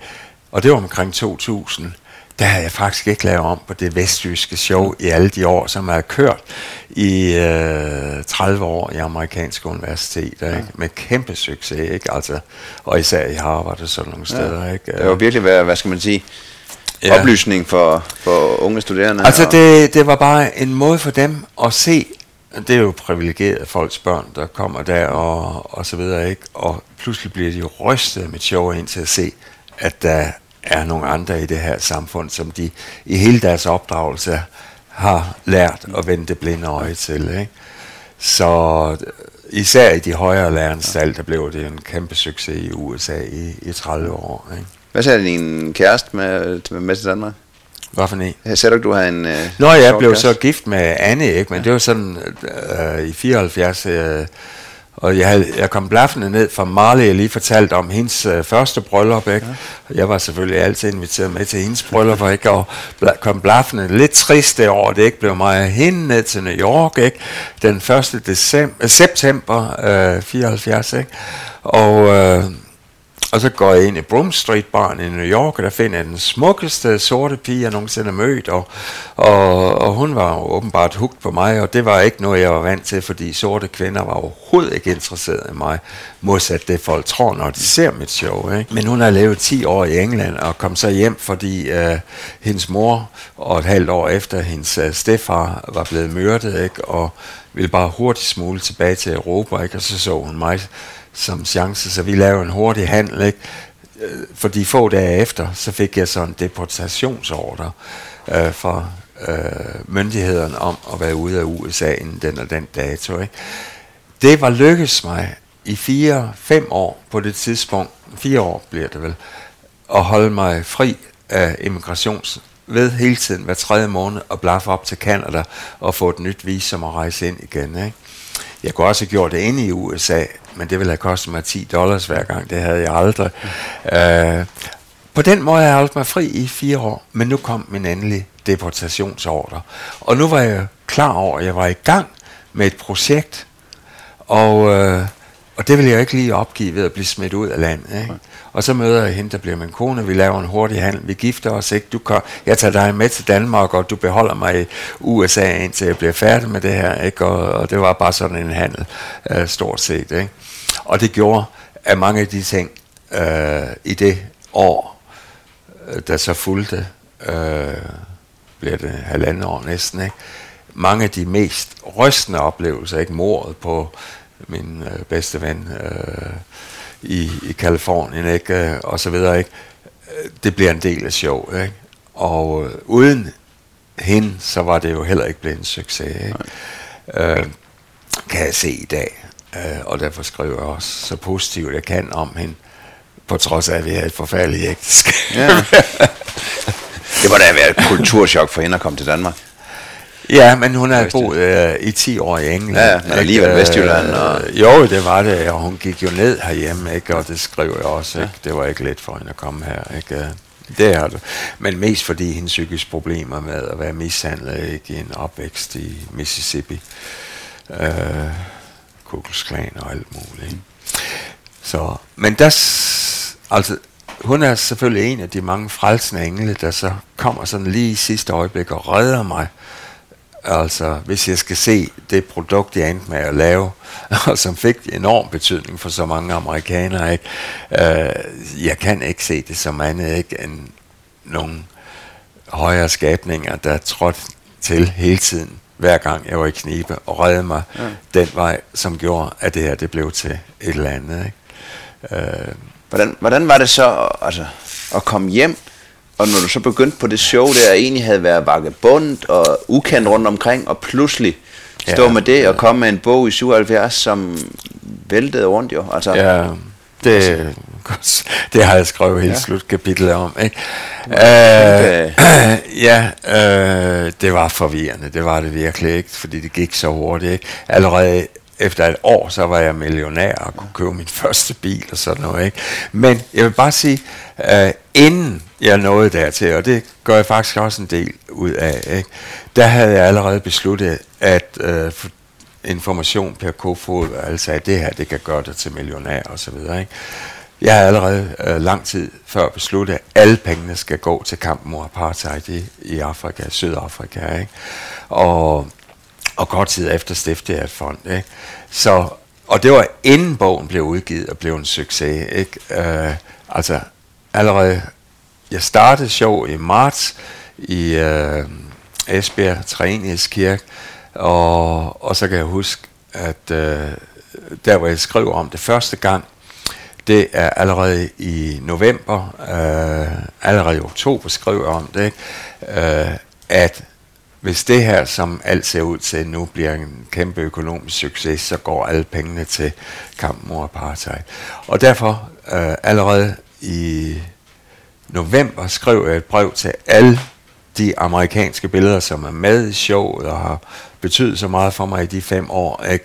og fortæller dem om den her succes. Og, og de var jo rystet, de havde jo troet, jeg var bare sådan en vagabond, der løb rundt på landevejen og aldrig ville noget komme ud af det. De var rystet over at se den succes, ikke? Og, og så var det flere af dem begyndt at, at sige, jeg vil være en del af det, ikke? Og Tony, som jeg arbejdede sammen, har arbejdet sammen med i 30-40 år, ikke? han kommer over øh, en sort øh, tidligere gangster, ikke? og vi har rejst rundt lige siden ja. med det. Ikke? Øh, men den beslutning lå der allerede inden, ikke? og, øh, og øh,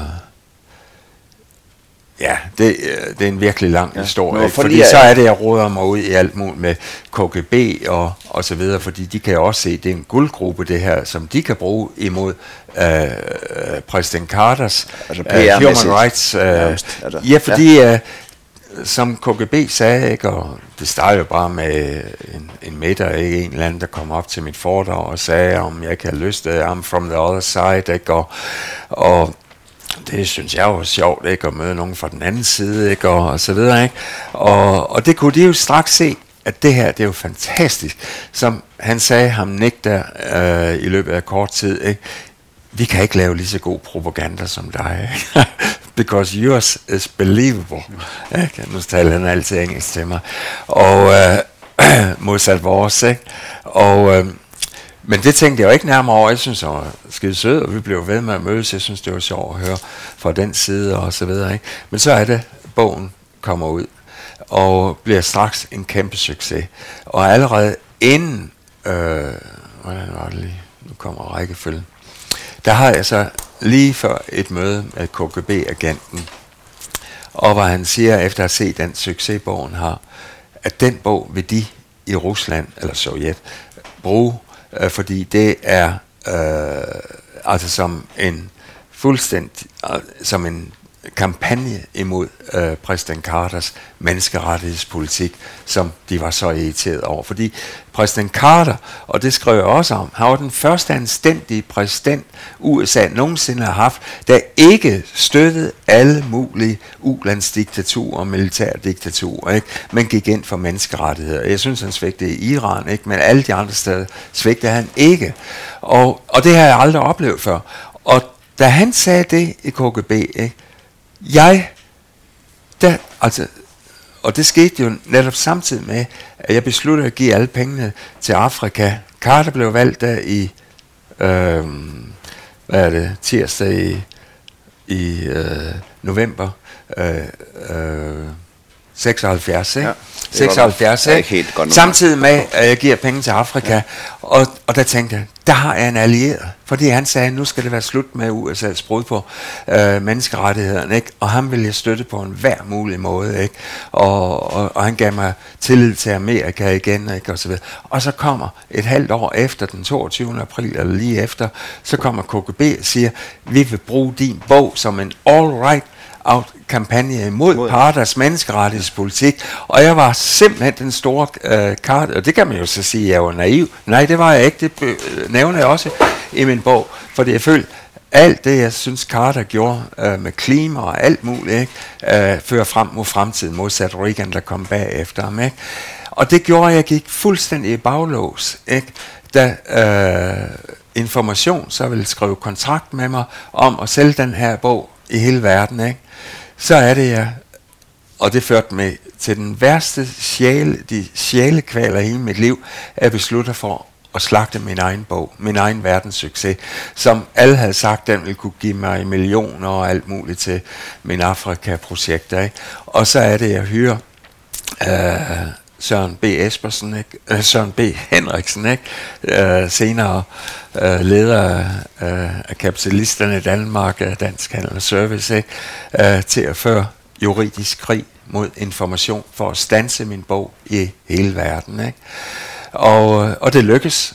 Den blev aldrig udgivet i andre lande, end der hvor øh, Per Kofod allerede havde solgt den i nogle få lande. Ikke? Den blev aldrig udgivet, ikke? og derfor blev den også økonomisk på den måde med tiden en fiasko. Ikke?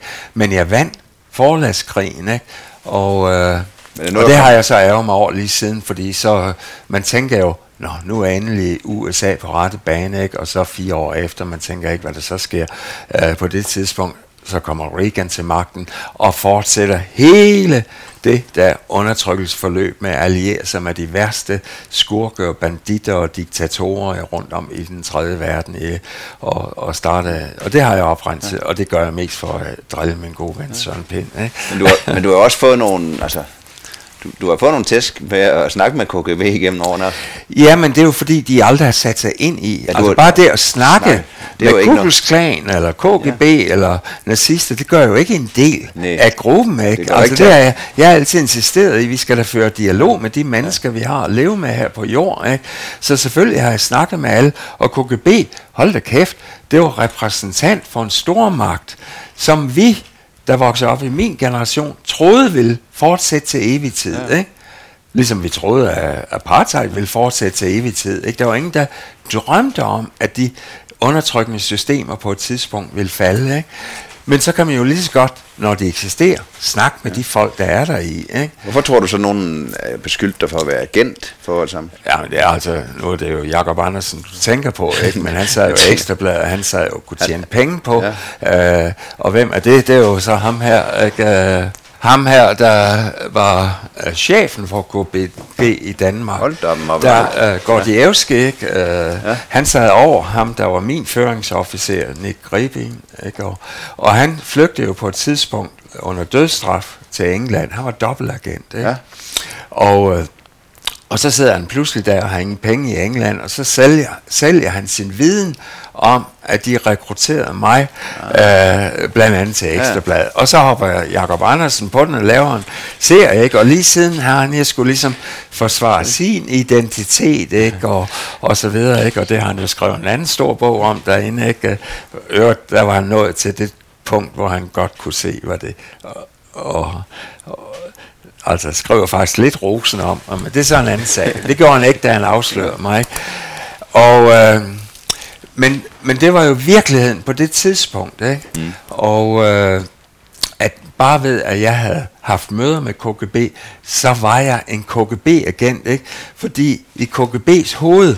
Så var det, så, så de, de, de bogførte det. er jo sådan nogle, og det kunne jeg ja. se ved at snakke med ham, sådan nogle tabertyper, ikke? Nej, ikke taber, de er jo super intelligente, ikke? Der bare kunne se, at det der imperium, det holder ikke. ikke? Mm. De kunne se, at vækstraterne begyndte at falde og alt muligt, ikke? især i 80'erne, ikke? og øh, i, i Sovjet. Ikke? Og, og de prøver jo bare at, at, at fastholde deres øh, dyre livsstil her i Vesten, ikke? Og, og så skal de opfinde nogle historier om, hvor gode de har været til at rekruttere det, de kalder agenter. Ikke? Og bare ved at mødes med mig, så bliver jeg så i Nick Gribins optik og hele KGB's optik en agent. Ja. Ikke? Og det synes jeg er så morsomt, ikke? Ja. at, øh, at det er bare for, at de kan fastholde deres luksusliv her i, i Vesten. De var ikke interesserede i at blive sat tilbage til det der lorteland. Ikke? Og det kunne jeg mærke i alle mine samtaler med Nick, ikke? at, at øh, vi havde kun et skænderi, ikke? Jeg var meget åben, ikke? Og det var da jeg støttede åben Lech Levenza i Polen, ikke? Vi sendte meget ned til ham, og da jeg fortalte om det, hold kæft, man oplever en tosse på mig. Men jeg vil ikke skjule noget for ham, ikke? Øh, fordi jeg følte, og det har jeg lært med de kriminelle i USA, der er kun én måde, man kan overleve på, og det er at være fuldstændig ærlig over for alle. Ikke? Og det var jeg også over for KGB. Ikke? Ja. Også når det ikke var i deres interesse at høre min ærlighed. Ja. Ikke?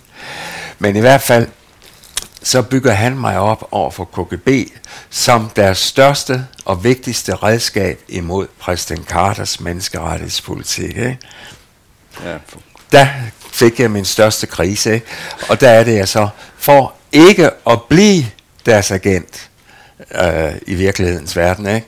slagter min egen bog over hele verden. Ikke? Den når alligevel at komme godt ud. Jamen det kunne jeg ikke undgå. Nej, De lande, hvor øh, information ja. havde i Tyskland, Østtyskland, Polen, og, USA? Og så, nej, nej fordi USA. det nægter jeg nemlig ikke. Altså alle andre lande, der nægter jeg det. Ja. Det var kun de lande, hvor øh, Per Kofod i 76 havde i bogmessen i Frankfurt allerede solgt bogen. Det kunne jeg ikke stanse, ikke? Men alle andre lande, der fik jeg den stanse. og fik derved også stanse min egen ja. økonomisk succes. Ja. Ikke? Så, og ja. det har jeg jo så ærget mig over lige siden, at fordi jeg troede, at KGB var så stort et monster, at de kunne faktisk bruge min bog. Ja. Det var fuldstændig latterligt, ikke?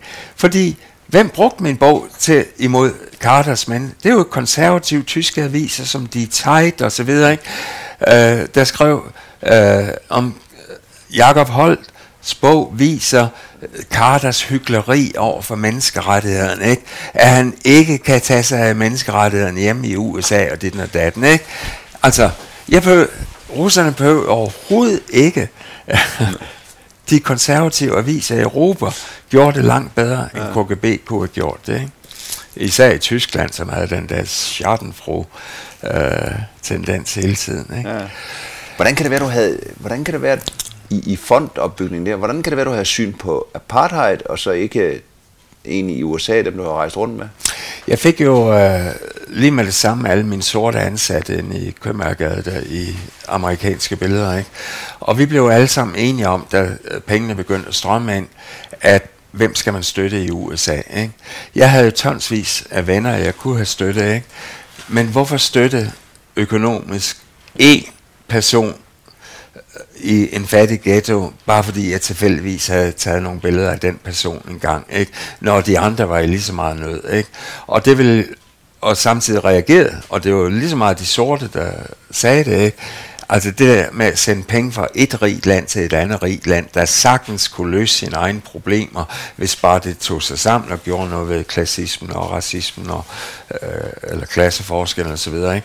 det var absurd. Ikke? Så der var ingen tvivl om, at øh, fra begyndelsen, at det skulle gå til et andet apartheidland, ikke? Øh, hvor, det, hvor vi kunne gøre en forskel. Ja. Øh, så der var ingen tvivl. Ikke? Og så sidenhen, så har Mandelas datter jo været øh, protektor for mig i, i Ubuntu-huset i Købmagergade. Ikke? Så det er jo også den smukke ting, at det man giver ud en gang, det kommer så tilbage. Ikke? Ja, ja. Men vi, det, det er også vigtigt, det sagde jeg også til hende, da hun øh, forlod Danmark her for nylig, ikke, i min tale til hende, ikke, at, øh, at ingen af os troede jo dengang på, at Sydafrika nogensinde ville blive fri. Ikke?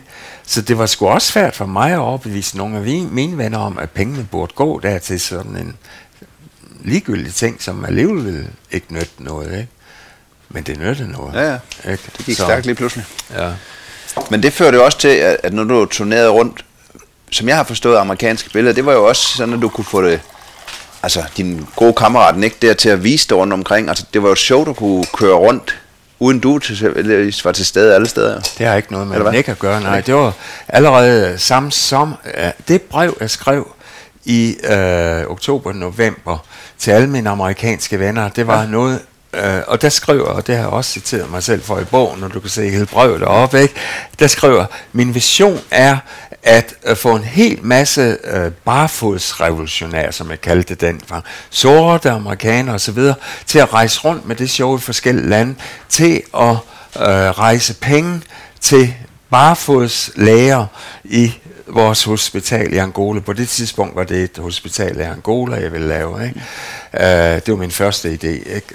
Uh, og det blev det også og sidenhen til, men det uh, gik så nogle andre veje. Ikke? Mm. Uh, fordi så blev uh, i mellemtiden uh, Zimbabwe demokratisk, ikke? og så følte jeg efter i 1980, da Mugabe kom til magten der, ikke, at der følte jeg, at så skal pengene gå igennem et demokratisk land, hvor frontlinje, altså for at vise de øh, liberale ved i Sydafrika øh, en modelstat for, øh, at sorte og hvide kan leve øh, sammen. Ikke? Ja. Og det fungerer jo også fint i de første år under ja. Mugabe, ikke? Så siden så, så, så, så det jo for ja. ham, ikke? Uh, så blev så han jeg har et billede af Mugabes kone, ikke? Der holder min søn, ikke? Min nyfødte søn. Jeg vil, holde, jeg vil kalde ham for Mugabe, ikke?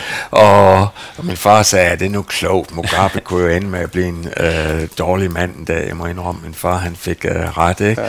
Men, uh, men det er sådan et stolt øjeblik, jeg har, fordi jeg troede virkelig på, at det kunne lykkes at skabe en interraciel, øh, harmonisk øh, stat der ikke øh, på det tidspunkt, som kunne være et forbillede for øh, de liberale hvide i Afrika. Ja. Og når vi nu kommer til eventyr, så er det også vigtigt, at der rejste jeg jo så ned i... Øh, 81, 82, ja. øh, januar 82, sammen med Kitty Fens, der som lavede layout på min bog, for at give vores første penge til ANC. Ikke? Ah, ja. Og i kraft af, af billederne i min bog, så havde ANC øh, tillid til mig. De var jo totalt infiltreret af alle mulige agenter øh, øh fra Sydafrika. Ikke? Øh, de opererede alle de der frontlinjestadier. Ikke? øh, og havde ikke tillid til nogen som helst, så de havde sådan nogle tremandsceller. Ingen måtte kende mere end tre mand i hver celle. Ikke? Men i kraft af min bog, så kom vi til at bo hos ANC, ikke? og allerede en af de første dage, så blev øh, ham, vi boede hos hans bedste ven, sprang de i luften af en bilbombe øh, uden for døren. Ikke? Og der fik vi så, blev vi så betroet, øh, og det vil jeg så sige, det er nogle, et af de få virkelig eventyr, jeg har begyndt mod i min liv. Ikke? Fik betroet øh, opgaven med at smule nogle hemmelige dokumenter fra ANC ned til deres guerillagruppe i Botswana. Øh, og øh, med besked på, at vi skulle, hvis vi blev antastet af sydafrikanske agenter, ikke, så skulle vi sluge budskab. Ikke? Og jeg kan bare huske, at vi var så nervøse, ikke? så vi tog øh, nattoget derned, ikke? Øh, I stedet for at bare blaffe derned, ikke? og sådan noget. Ikke? Og, øh, men det lykkedes os at komme til den guerillagruppe, som var lå helt inde ved grænsen til øh, den der bantustat, der hed Bofutuswana, ikke? som Sydafrika ligesom havde oprettet som en independent stat ikke? øh, for sorte, øh, som overhovedet ikke var uafhængig. Ikke? Men det øh, prøvede de jo. Og, og der boede vi hos dem øh, nogle dage, fik afleveret, og så tog vi tilbage, blaffede tilbage. Allerede en uge efter var hele den øh, guerillagruppe, vi havde øh, været hos, øh, udslettet af de sydafrikanske elitesoldater. Ikke? Og jeg tror egentlig, det var først der, jeg havde sådan fantaseret, ikke? det var fantastisk at støtte sådan en guerillabevægelse. Det var først der, det gik op for mig, hvor blodet øh, den der anti-apartheid-krig, den egentlig var. Ikke? Øh, når man oplever sådan noget så tæt på. Ikke? Ja. Så, øh, men, men det er en af de få ting, hvor jeg har sagt, at jeg øh, faktisk har været modig i mit liv. Ikke? ja, ja. Og, du, og hvis du havde noget med. altså, hvis ja. jeg bare blevet der et par dage før, så har jeg været udslettet, ja. ligesom alle de andre. Ikke? Et, et par dage længere. Ja. Ikke? ja, de har taget alle med ja. hvis der var nogen der. Men, men, Ellers er der ikke meget eventyr af mig. Nej, ja, det vil jeg nu ikke uh, give dig ret i, fordi der er ikke Nå. mange, der turde kaste sig ud i det, du har gjort i alle de her forskellige ting. Og derfra, så ja. er det jo egentlig kørt det her med fordommene i resten af dit liv. Jo. Altså, du har jo rejst over ved Kublus Klan en masse. Det ja. mødte du jo i, ja. i forbindelse med din rejse. Ja, altså så kørte jeg jo nogle år ja. sammen med alle de sorte der rundt i 14 lande ja. med foredrag, ikke? Og efter 82, det var samme år, vi, vi var dernede, øh, så trak jeg mig til USA øh, sammen med de fleste af de sorte i gruppen, ikke? og oprettede først vores øh, faste teater i San Francisco og begyndte så at rejse rundt med det i øh, hundredvis af amerikanske universiteter. Ja. Og og det er faktisk det, jeg har brugt mit liv på, ikke? Ja. i 30 år, ja, ja. at rejse uh, i alle de universiteter, ikke? hver eneste dag et nyt universitet, ikke? med enorme afstand imellem. Ikke? Og, uh, og hvad er resultatet? Det er, ja, efter jeg holdt op, så kom Trump til magten, ikke? så what a waste of life. jeg tror jeg virkelig, ja. Men jeg ved, at det virkelig påvirkede nogen, ikke? og det var jo noget, det Søren Pind, han lagde mærke til, da over, ikke? Han er jo stor fordom over for mig, der med ja. ham, ikke? Men overalt, overalt, hvor vi kom, og det var især blandt hans rigeste venner i, i bankvæsen og Wall Street, ikke, når han arrangerede interviews med dem, ikke, og så sagde, wow, Jacob, you're back, ikke? I saw your show this and that year, ikke? Altså Søren Pind, han havde troet, han, var faktisk den første til at sige i, på forsiden af søndagsavisen, at amerikanske billeder var finansieret af, af, af KGB. Ikke? Det har han jo læst i de der artikler, ja. Jakob Andersen, ikke? og han troede jo naivt på det. Ikke? Der gik det op for ham, at mit foredrag det var finansieret af amerikanerne, og, og mest populært i USA. Ja. Ikke? Så, Nå, men, men det var øh, nogle sjove udsendelser jo. ja, ja. Altså to modsætninger. Jo, ja. det var Mikkel Tog for hurtigt til at se og, og, og ren nysgerrighed, hvordan, hvordan kan det egentlig være, at du, du ramte ind i Kutlus Klan? Var det fordi, de, de andre snakker Jeg har om aldrig opsøgt nogen Nej. med vilje, ikke? Altså modsat nogle af jer eventyr, ja, der går du, ud du der. Ikke? Nej, jeg har aldrig gjort det, ikke? Det, var, det er prins Joachims skyld, ikke? hvordan gør den? Hvordan glæder jeg mig til at høre nu. jo, ej, det er en lang historie. Jeg har jo i øh, 7-28 år lavet... Øh, nu kan jeg efterhånden ikke huske det længere, øh, lave frivillig arbejde for, for CARE, ja. ulandsorganisation. Og det er noget, jeg helt bevidst har gjort, fordi det er, meget, det er ikke sundt for en at stå på scenen hver eneste dag, dag efter dag efter dag, og blive dyrket som noget særligt, ikke? og blive set som en held. Og det var jeg for mange amerikanere, ikke? som en, der havde gjort det umuligt, som de ikke uh, følte, de kunne gøre, gå ind blandt de sorte og alt det der. Ikke? Uh, det påvirker en selv, ikke? at man til sidst tror, man nærmest kan gå på vand og så videre. Ikke? Og det var jeg egentlig øh, meget bevidst om, da jeg på et tidspunkt øh, fik så invitation til at arbejde med kære i forskellige U-lande. Ikke? Øh, I min spiltid imellem de amerikanske foredrag, så tog jeg ned og lavede frivilligt arbejde, uden betaling eller noget som helst.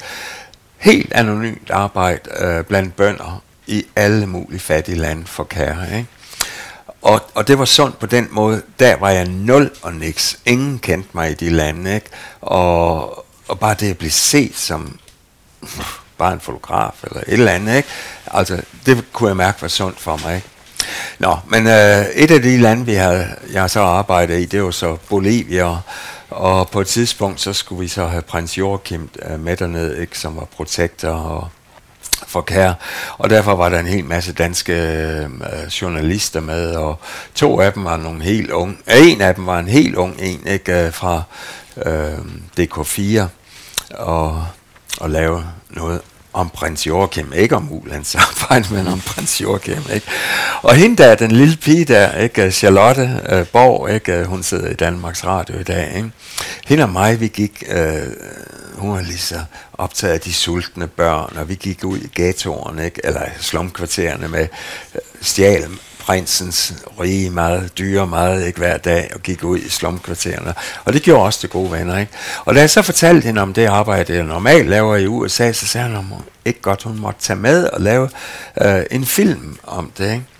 Hun var helt ung og naiv, ikke? Og jo, jeg siger jo ja til alle, ikke? Og, og så var det hende og en ung fyr, øh, kameramanden fra DK4, de tog over, ikke? og de anede jo så ikke, hvordan de skulle lave den her film om mig. Ikke? Og så fik de den skøre idé at sætte mig sammen med øh, den største Ku leder i USA, som de har fundet på internettet, den værste, mest forhatte og alt muligt. Ikke? Og, og jamen, har du ikke lyst til at møde ham? Jamen, det vil jeg da gerne. Jeg har aldrig mødt en klanleder før. Ikke? Så lige den dag, hvor vi skulle flyve derud i Indiana, øh, så var et af mine foredrag blevet flyttet på grund af en snestorm, og jeg kunne ikke rejse med dem. Ikke? Så fik øh, de den idé, jamen, hvad skulle de så gøre? Så satte de kameraet op i lejligheden i New York, ikke? og sagde, sig noget til klanlederen. Ikke? Og øh, som de så ville tage ud og spille for ham. Ikke? Jeg vidste ikke, hvad jeg skulle sige til en klanleder i verdens største sorte jødiske by. Ikke? Men man kan faktisk se, hvad jeg sagde, fordi det ligger på min hjemmeside. Jeg skal nok det, til det. Det jeg sagde, det var, ja, i alle de år, jeg har været foredragsholder i USA, har jeg samlet så mange fattige, hvide blaffer op, som viste sig at være medlemmer af Ku Klan. Ikke? Og hver gang jeg sidder og snakker med dem øh, i de endeløse øh, ture, man har der på de amerikanske landeveje, ikke? har de så siddet og fortalt, og jeg boede jo i det, ikke, øh, om den mishandling og incest og alt det, de har været igennem i barndommen, ikke, fra typisk fordrukne stedfædre og så videre. Ikke? Og øh, som jeg så sagde også i, på tv, ikke, øh, ja, det er jo så meget af det samme, jeg oplever hele tiden blandt mine venner i de sorte ghettoer, ikke? Og så derfor kan jeg jo ikke have mere, øh, øh, altså derfor synes jeg jo, har jeg den samme medfølelse over for Kukulkan, som jeg har for mine sorte venner i ghettoerne, ikke? Og så videre, ikke? Og, øh, nå, men, og begyndte så at sammenligne Kukulkan med de sorte, ikke? Smerten bag det hele. Og det tog de så ud af spillet for ham, klanlederen. Og øh, mange vil jo tro, at sådan en stolt klanleder, han bliver tosset over at blive sammenlignet med de sorte, ikke? men det er jo sjovt at se, hvordan han reagerede. Ikke? Han stod op nærmest med tårer i øjnene over det, jeg sagde, øh, fordi det, det viste sig jo, at jeg har ramt lige ned i hans egen smertes afgrund, ikke? med alt det, jeg sagde om mishandling i barndommen. Ikke? Og, øh, og derfor, øh, det næsten siger, hvordan kan jeg møde ham? Jakob der, ikke? I må love mig, at jeg møder ham. Ikke? Det var en åben invitation. Og, øh, men jeg har jo ikke tid til at gå rundt og besøge Kukus Klanleder. Jeg har foredrag hver eneste dag. Ikke? Og så året efter, så skete der det, at min sorte agent, han skyldte mig så mange penge, at, han, at jeg fyrede ham. Øh, og så aflyste han 41 foredrag for mig i universiteterne øh, af hævn. Ikke? Og, og, og jeg kan bare huske, jeg følte, uden at give mig adresserne, jeg følte, wow, nu er jeg endelig en fri mand. Nu har jeg stået i 30-40 år og holdt foredrag øh, hver eneste dag, ikke? Og nu havde jeg tid til at gå ud igen og være eventyr og lege med alle de mennesker, hvor herre har sendt os. Ikke? Det gør man jo ikke, når man står på en scene hver dag, ikke? Og skal hele tiden gøre noget. Øh, jeg var et frit menneske, ikke? Og derfor ringede jeg så op, og det startede som en joke. Jeg ringede op til min sorte agent og sagde, jamen så melder jeg mig ind i Kuks Klan. og det, så var det bare sket det, at ham klanlederen i mellemtiden, han var kommet 30 år i fængsel, ikke? Og, og så var det, ja, og det er så en del af mit foredrag i dag. Hvad skulle jeg så gøre? Jamen så flyttede jeg ind hos hans kone og, og, og friede til hende, og flyttede sammen med hende, ikke? Uh, og sådan så fik jeg min første koksanleder kone. eller kæreste. uh, ej, det er jo en, en joke, men jeg, jeg viser det jo i billeder af alt det her. Ikke? Ja. Og, og det er jo et godt foredrag, fordi folk de elsker jo alt muligt om Kuks Klan, ikke? så det, det har jeg levet af lige siden. ikke? Så, og hvad årstal er det, I laver den film? Det er 2003, ikke? Uh, ja. Og så sidenhen, øh, så hjælper jeg ham. Så er det, jeg har hende her med, ikke? fordi jeg, så er det begyndt at rejse rundt og holde foredrag i, dansk, øh, i Danmark og sige, der er mere racisme i danskerne, end der er i Kuksklan. Ikke? Og så hende her, en sort kvinde, hun øh, stod op et eller andet sted i København og sagde, øh, hun var blevet... Øh, hun var blevet øh, slæbt ind og se amerikanske billeder som 14-årig af sin mor, ikke? og hun var en stor fan af mig. Hun er gået rundt med øh, lige siden ikke? Øh, T-shirt, Bomb the Cooks Clan og sådan noget. Ikke? Men nu rappler det for dig. Jakob sagde hun, nu var hun 34 år og fotomodel. Ikke? Så sagde jeg hen over øh, publikum til hende, ikke? hør, jeg kan høre, at du har nogle fordomme over for Kusklan, og har vi fordomme over for nogen, så flytter vi jo ind hos dem. Ikke? Uh, så har du ikke lyst til at tage med mig til USA og flytte ind hos Kusklan, så kan du jo bombe dem alt det, du har lyst til. Ikke? Jeg elsker at tage sådan nogle billeder. Ikke? Ja. Og det endte hun så med at gøre, og... Uh, og hun kunne med det samme se, at alt det, jeg havde sagt, var rigtigt. Ikke?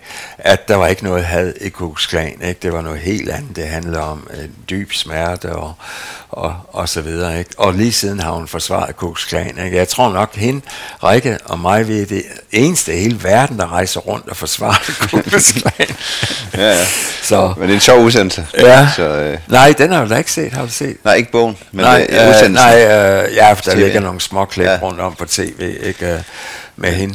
Og det skrev hun en bog om, ikke? Og, Og jeg ærger mig over lige siden jeg tog hende med, fordi nu rejser hun rundt og hugger halvdelen af mit foredrags honorar i, i danske kirker for at, at, at fortælle om ja. at være sort hos Google Strand. Ja. Ikke? Så, det, det er lidt nemmere at sælge, ja. end at være hvid ved Google Strand. Men uden vi skal, skal gå... Du har igennem årene så har du startet racisme-workshop op i danske skoler og, og, og kørt med det her budskab, og du har også startet din... Jeg ved ikke, hvad du kalder dit sted. Ubuntu hus, ja, ikke? Men, men? Ja, det er jo Mandelas uh, gamle begreb, ja. ikke? Jeg er i kraft af, at vi er, altså vi hører sammen, ja. ikke? Alle sammen. Ikke? Hvornår var det, du startede det? Hvad? Hvornår startede du Ubuntu? Jamen, det gjorde jeg jo sådan set uh, i 77, da jeg fik det uh, ja. til hovedkvarter for amerikanske billeder. Ja. Og vi kørte ind i foredragssalen uh, mit lysbilledshow i 10 år derinde. Ja. Ikke? Og så flyttede jeg i 6, 7, så flyttede jeg ind hos min kone her ja. i 87 og så flyttede jeg til USA. Ikke? Ja. Og derfor har jeg så lejet ud i 27 år til ja. den spanske ambassade, ja. og så fik jeg det for nylig tilbage, og har så lavet det om til sådan et dialogcenter. Ja, nemlig. Og det, ja. det er 2016? Ja, det var 16, ja. ja. Og, og det er jo både dialogcenter, der var også noget måske derinde på et tidspunkt, var det ikke? Alt muligt.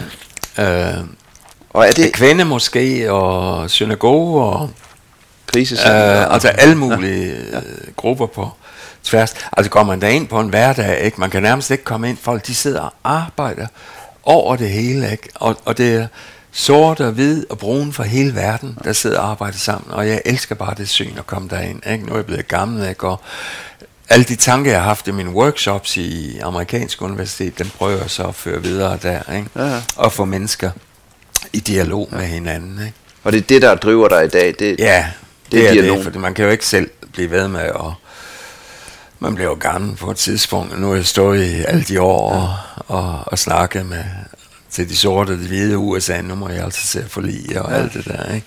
Men, uh, men, men det vigtigste, det, det er jo bare så at skabe rammerne for unge med samme visioner til, de har ikke pengene, men de har så rammerne derinde til at fortsætte sådan nogle dialog ja. og øh, hvad det hedder. Ja, samtale, vel? Altså, og ja, samtaler, møder og i en uendelighed. Der sker noget faktisk hver eneste ja. dag. Jeg kunne, da min bog udkom, jeg kunne nærmest ikke selv få en dag der, ikke? fordi der var uh, booket langt ud i fremtiden ja. ikke? af de forskellige. Ikke? Uh, eller bare sådan noget som øh, kvindemoskeen, ikke? hvor vi gifter øh, mennesker på tværs af tro og nationalitet og etnicitet, ikke? som de ikke må i deres familie og traditioner og amam og så videre. Og jeg har efterhånden fotograferet en 50 af den slags bryllupper ja. derinde, og det rører mig så dybt at se mennesker øh, på tværs af tro få hinanden, ikke? Og, altså kærligheden, ja. den vinder til sidst, ikke? Øh, sidste weekend, eller sidste fredag, ikke? jeg har dem fotograferet her på, Øh, det var et ung par fra øh, Paris, der var fløjet hele vejen op. Hun var fra Indonesien, og han var en finansmand fra katolik fra Frankrig. Og de var egentlig gift civilt dernede, men nu ville de have et muslimsk bryllup ikke anerkendt. Så de jo fløjet hele vejen op for mm. at blive uh, gift. Og det oplever vi, folk kommer fra hele verden hele tiden for at blive gift derinde. Ikke? Og, og jeg elsker bare det syn, når de bryder sammen i tårer over endelig at få hinanden og alt det der. Ikke? Men det er jo igen det her med at nedbryde fordommene. Ja, ja, det er det, synes jeg. Ikke? Du rejser stadigvæk med kameraet. Jeg, jeg synes altid, jeg ser dig med kameraet. Ja, men øh, nu er jeg festfotograf, ikke? Ja. ikke slumfotograf. Nej, nu er du lejligheds- og Lejligheds, ikke? Jeg blev jo inviteret med, jeg har været, jeg regnede ud sidste år, jeg har været med til 40 større muslimske bryllupper, ikke? Og, og jeg kan snart ikke klare alt det med ham. Men det var en anden, altså, man behøver ikke at rejse ud i verden for at være eventyr. Ikke? Jeg kendte jo ikke den verden herhjemme. Jeg kom hjem fra USA efter alle de år, og kendte egentlig ikke mit eget samfund, og opdagede pludselig alle de indvandrere, der boede her. Ikke? Men vi har jo ikke en eneste i gaden, jeg har ikke en eneste indvandrerven. Jeg var nødt til at finde nogen for at, og ligesom øh, kunne integrere mig med dem. Ikke? Og, og det begyndte jeg så aktivt på og i løbet af kort tid, ja, nu bliver Altså det, jeg oplever hver gang, jeg har integreret mig med en gruppe, det er egentlig ligegyldigt. Sorte kriminelle bøsser og så videre, ikke? fra det øjeblik, de føler sig elsket og accepteret af en, ikke, så åbner de sig op, og så får man al deres kærlighed tilbage. Og det er den kærlighed, der ligesom har løftet mig lige siden ved, at de inviterer mig til alle de fester og bryllupper og så videre. Ikke? Så det, altså komme hjem fra USA, har i høj grad været en indre rejse i mit eget samfund, som jo i mellemtiden havde forandret sig meget, og ind i fremmede kultur og så videre. Ikke? Som, jeg havde aldrig rejst i Afghanistan og alt muligt, ikke? men det behøver man jo heller ikke, når ja. vi har dem inden for dørene. Ikke? Hvorfor ja, ja. ikke rejse ind i deres hjem herhjemme? Og nu bor jeg hos dem, Voldsmose og øh, Gellerup og overalt i Danmark under min foredragsturné. Jeg flytter altid ind hos muslimerne, fordi det er jo for mig den nye rejse, ikke?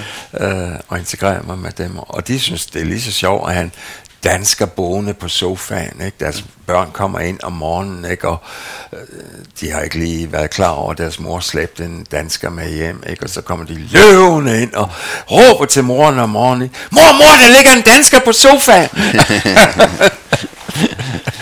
og så opdager man pludselig, hvor adskilt adskil ja. det her samfund er. Ikke?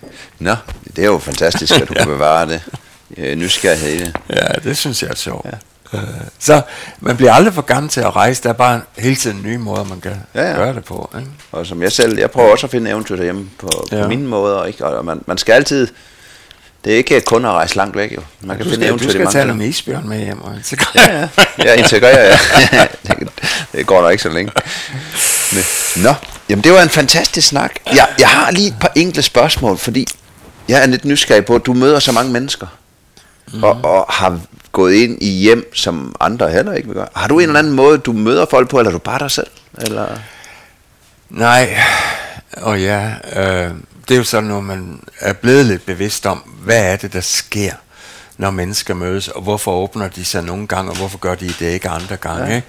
Fordi jeg kan jo mærke, ikke, når jeg er lukket i min tilgang til dem, på grund af et eller andet, jeg lige tænker på i øjeblikket, ikke? så åbner de sig ikke over for mig. Ikke? Så det er altså virkelig noget med at, at åbne sig op over for andre. Ikke?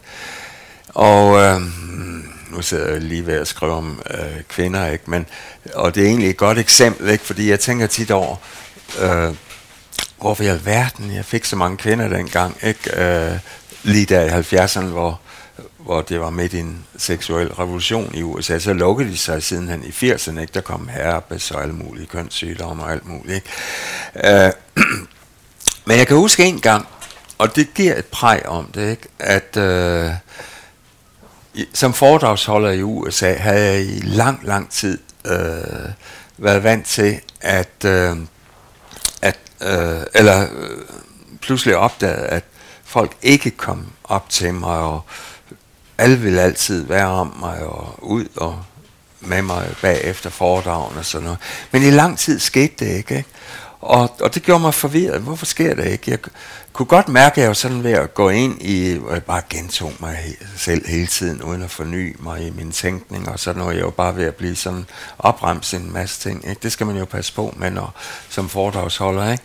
Så havde jeg en astrolog på det tidspunkt, så jeg var så desperat, ikke? fordi jeg tænkte, hvad er det for noget, jeg ikke ligesom kommer i nærheden af folk? Ja, de står der, ikke? men jeg kommer ikke sådan Øh, jeg ringede hjem til dem i Danmark, ikke? Og, og hun har tidligere sagt, ikke? at ja, men det er noget, man kan arbejde med sig selv og så videre, ikke? Så jeg tænkte, øh, skulle jeg tage en rejse til Bahamas eller et eller andet andet land ud af USA for at, at ændre mig lidt, ikke? Øh, øh, så sagde hun, nej, det behøver du ikke.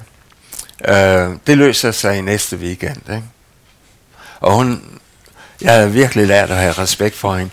Hun var sådan en, ikke? Hun aner intet om, hvor jeg var i USA, om jeg stod i Texas eller New York. Eller, øh, hun sad hele tiden advaret mig, pas på i dag. Øh, klokken 11 vil du møde voldsom vrede, ikke? Og bum, så stod der pludselig en sort kvinde op og skældte mig hed og herfra, men så var jeg jo advaret, ikke? Øh, og, og derfor forsvarede jeg mig ikke. Øh, men, øh, nå, men jeg havde virkelig fået respekt for hendes erfaring, ikke? Men hun ville ikke give mig nogen løsning på det. Ikke? Så tænkte jeg, nej, hun har lært mig, at jeg skal, man kan også selv skabe en favorabel situation. Ikke? Og øh, så opdagede jeg, inden for det, jeg har, havde arbejdet en tid med øh, i universiteterne, i de der workshops, ikke noget, der hedder co-counseling, ikke? Øh, og øh, der var der et seminar helt ude i øh, Seattle, øh, hvor bevægelsen hørte hjemme. Og jeg stod i New York, ikke? Og, og det var sådan en Man's Liberation Workshop, ikke? Og så tænkte jeg, nå, jeg havde igennem flere år brugt deres teori i min fortolkning af de skader, jeg ser hos eleverne, ikke i mine workshops og sådan noget. Ikke? Men jeg har aldrig selv praktiseret det at befri sig selv. Ikke? Uh, og så tænkte jeg, måske jeg skulle prøve Øh, det i praksis, fordi jeg havde en forlænget weekend. Og så fløj jeg helt ud til Seattle, ikke? og kørte, fik en udlejningsvogn, og kørte så ud i The Redwoods et eller andet sted. Og der var jeg sammen med 70 øh, mænd, øh, direktører, og fattige røve, og tyk, og tynde, og øh, børn, og, eller drenge, og gamle mænd, og så videre, i tre dage, ikke? Og jeg fattede ikke, hvad der foregik, ikke? Og nu skal jeg ikke komme ind på teknikken bag øh, det her, ikke? Men det er noget med, at man kan udløse øh, de traumer og alt muligt, man har ophobet. Øh, i livet, ikke? og sådan noget. Ikke? Øh, og jeg sad gabe, og jeg, øh, de vidste godt, at jeg var uden erfaring i alt det der, så de hjalp mig lidt, ikke? og nu skal du gabe, og nu skal du... Din... Jeg anede ikke, hvad der foregik. Og jeg lå og rullede rundt med direktør og alle mulige på gulvet, og alle de øvelser, de lavede. Ikke? Og så efter tre dage kørte jeg derfra og tænkte, nej, der er hvad er der sket? Der er ikke sket noget, ikke? men det var da egentlig meget sjovt at være med. Ikke? Samme øjeblik, jeg kommer ind til øh, Seattle, går ned ad gaden samme aften, inden jeg skal flyve næste morgen, så kommer der en kvinde op til mig og siger, øh, wow, øh, jeg kan ikke huske, hvad hun sagde, men har du brug for et sted at bo? Ja, det havde jeg faktisk. så flyttede jeg ind hos hende. Ikke? Så næste dag, så fløj jeg tilbage til mit arbejde, ikke? og det første det var i Indianapolis, ikke? Øh, et universitet, ikke? hvor jeg så mødtes igen med Tony, den sorte, jeg har arbejdet sammen med i mange år. Ikke? Og, og, mens, og han var sådan en, der sugede kvinder til sig, ikke? Øh, og mens han stod og holdt tale, så kom den smukkeste sort kvinde op til mig øh, og begyndte at flirte med mig og sagde, har du brug for et sted at bo i aften? Så flyttede jeg ind hos hende. Ikke? Og næste dag igen i Chicago og, og så videre, og så videre. Og nu skal jeg ikke komme ind i detaljerne på det. Ikke? Øh, den ene dag efter den anden kom øh, de smukkeste, mest veluddannede kvinder, der aldrig havde vist interesse for mig før. Ikke? Op til mig og, og, og sagde, om jeg havde brug for et sted at bo og så videre. Ikke? Og jeg kan, og den sidste af dem, det var hende, jeg så har boet sammen med i 25 år, øh, Christina, ikke? Øh, en kinesisk kvinde. Ikke? Øh, hun kom, ja, der kom jeg tilbage til New York, ikke? og øh, stod og, øh, i posthuset for, med sådan en stabel bøger foran mig, for at sende ud til øh, alle dem, der har bestilt mig. Og så kom der en kinesisk kvinde ind foran mig, og og så, hun, jeg så det ikke, og så vendte hun sig pludselig om og sagde, undskyld, undskyld, jeg mente ikke at cut you off, eller sådan noget, ikke? Og, oh, are you Jacob Holt? Uh, you need a place to stay? hun har set tidligere mit foredrag for Cornell University, ikke? Så flyttede jeg ind hos hende i 25 år, og nu bor hun hos os her hver sommer, ikke? Og så videre, ikke?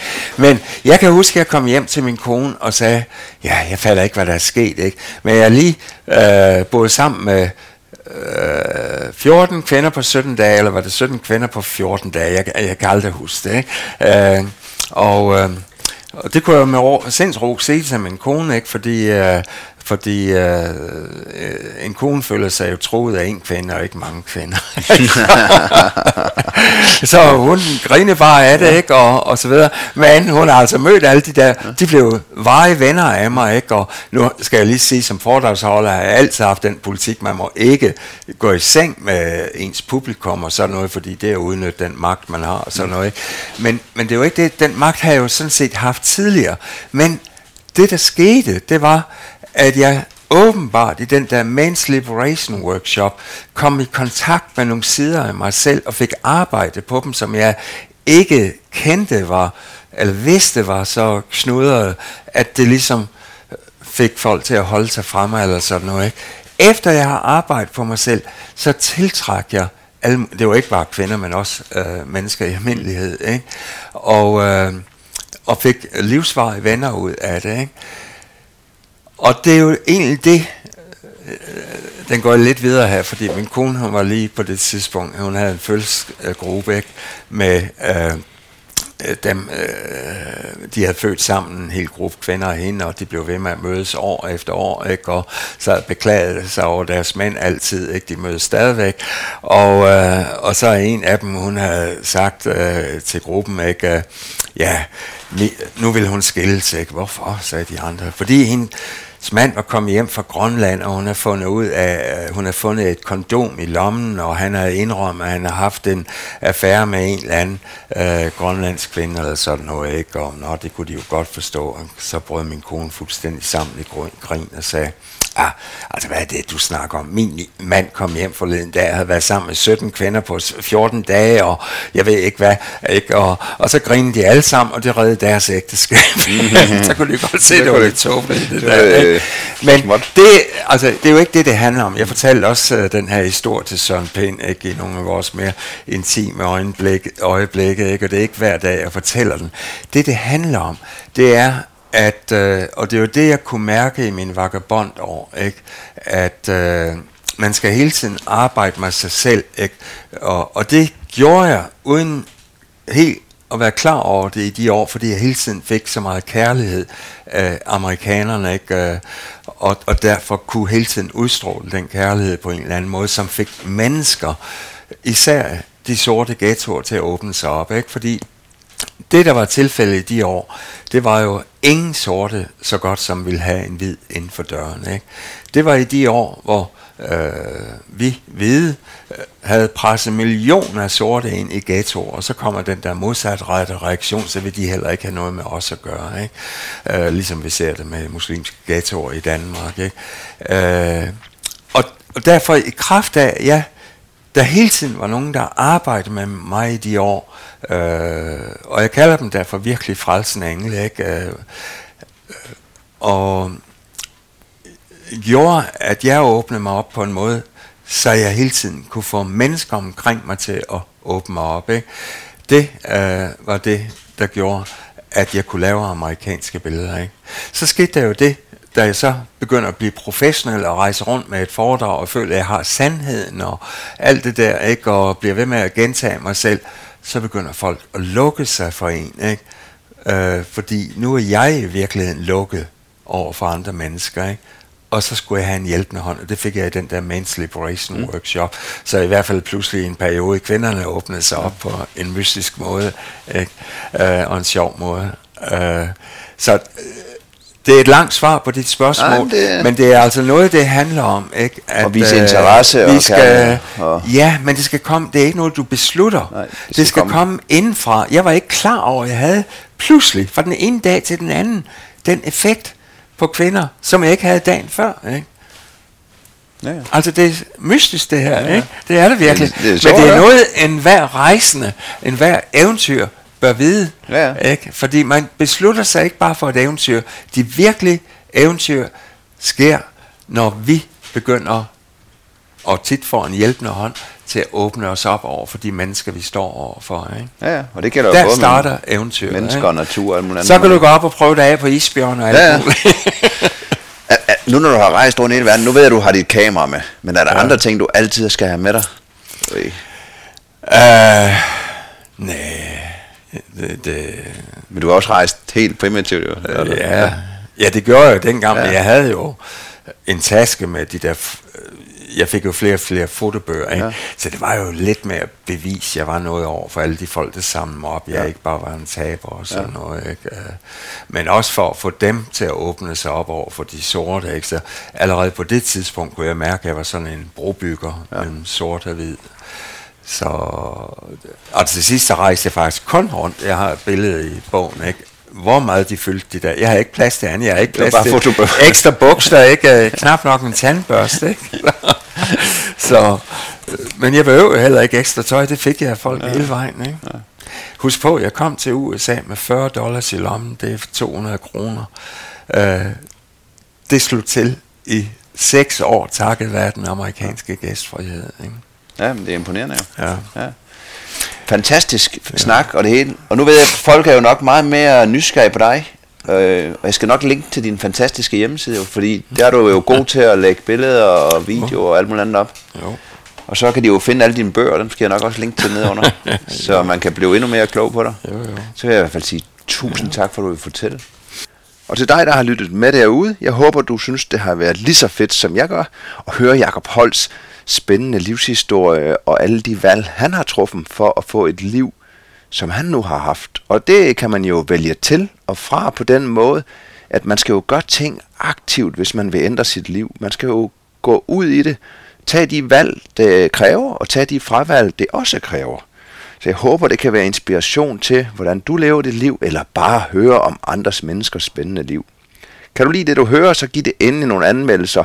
Alle de steder, det kan lade sig gøre. I iTunes, sociale medier, hvor du ellers støder på det. Fordi, der er jo ingen tvivl om, jo flere der lytter det her, jo sjovere synes jeg også, det er. Fordi det er jo fedt, når man nu laver noget, man selv synes, der er fedt, at det kommer bredt ud.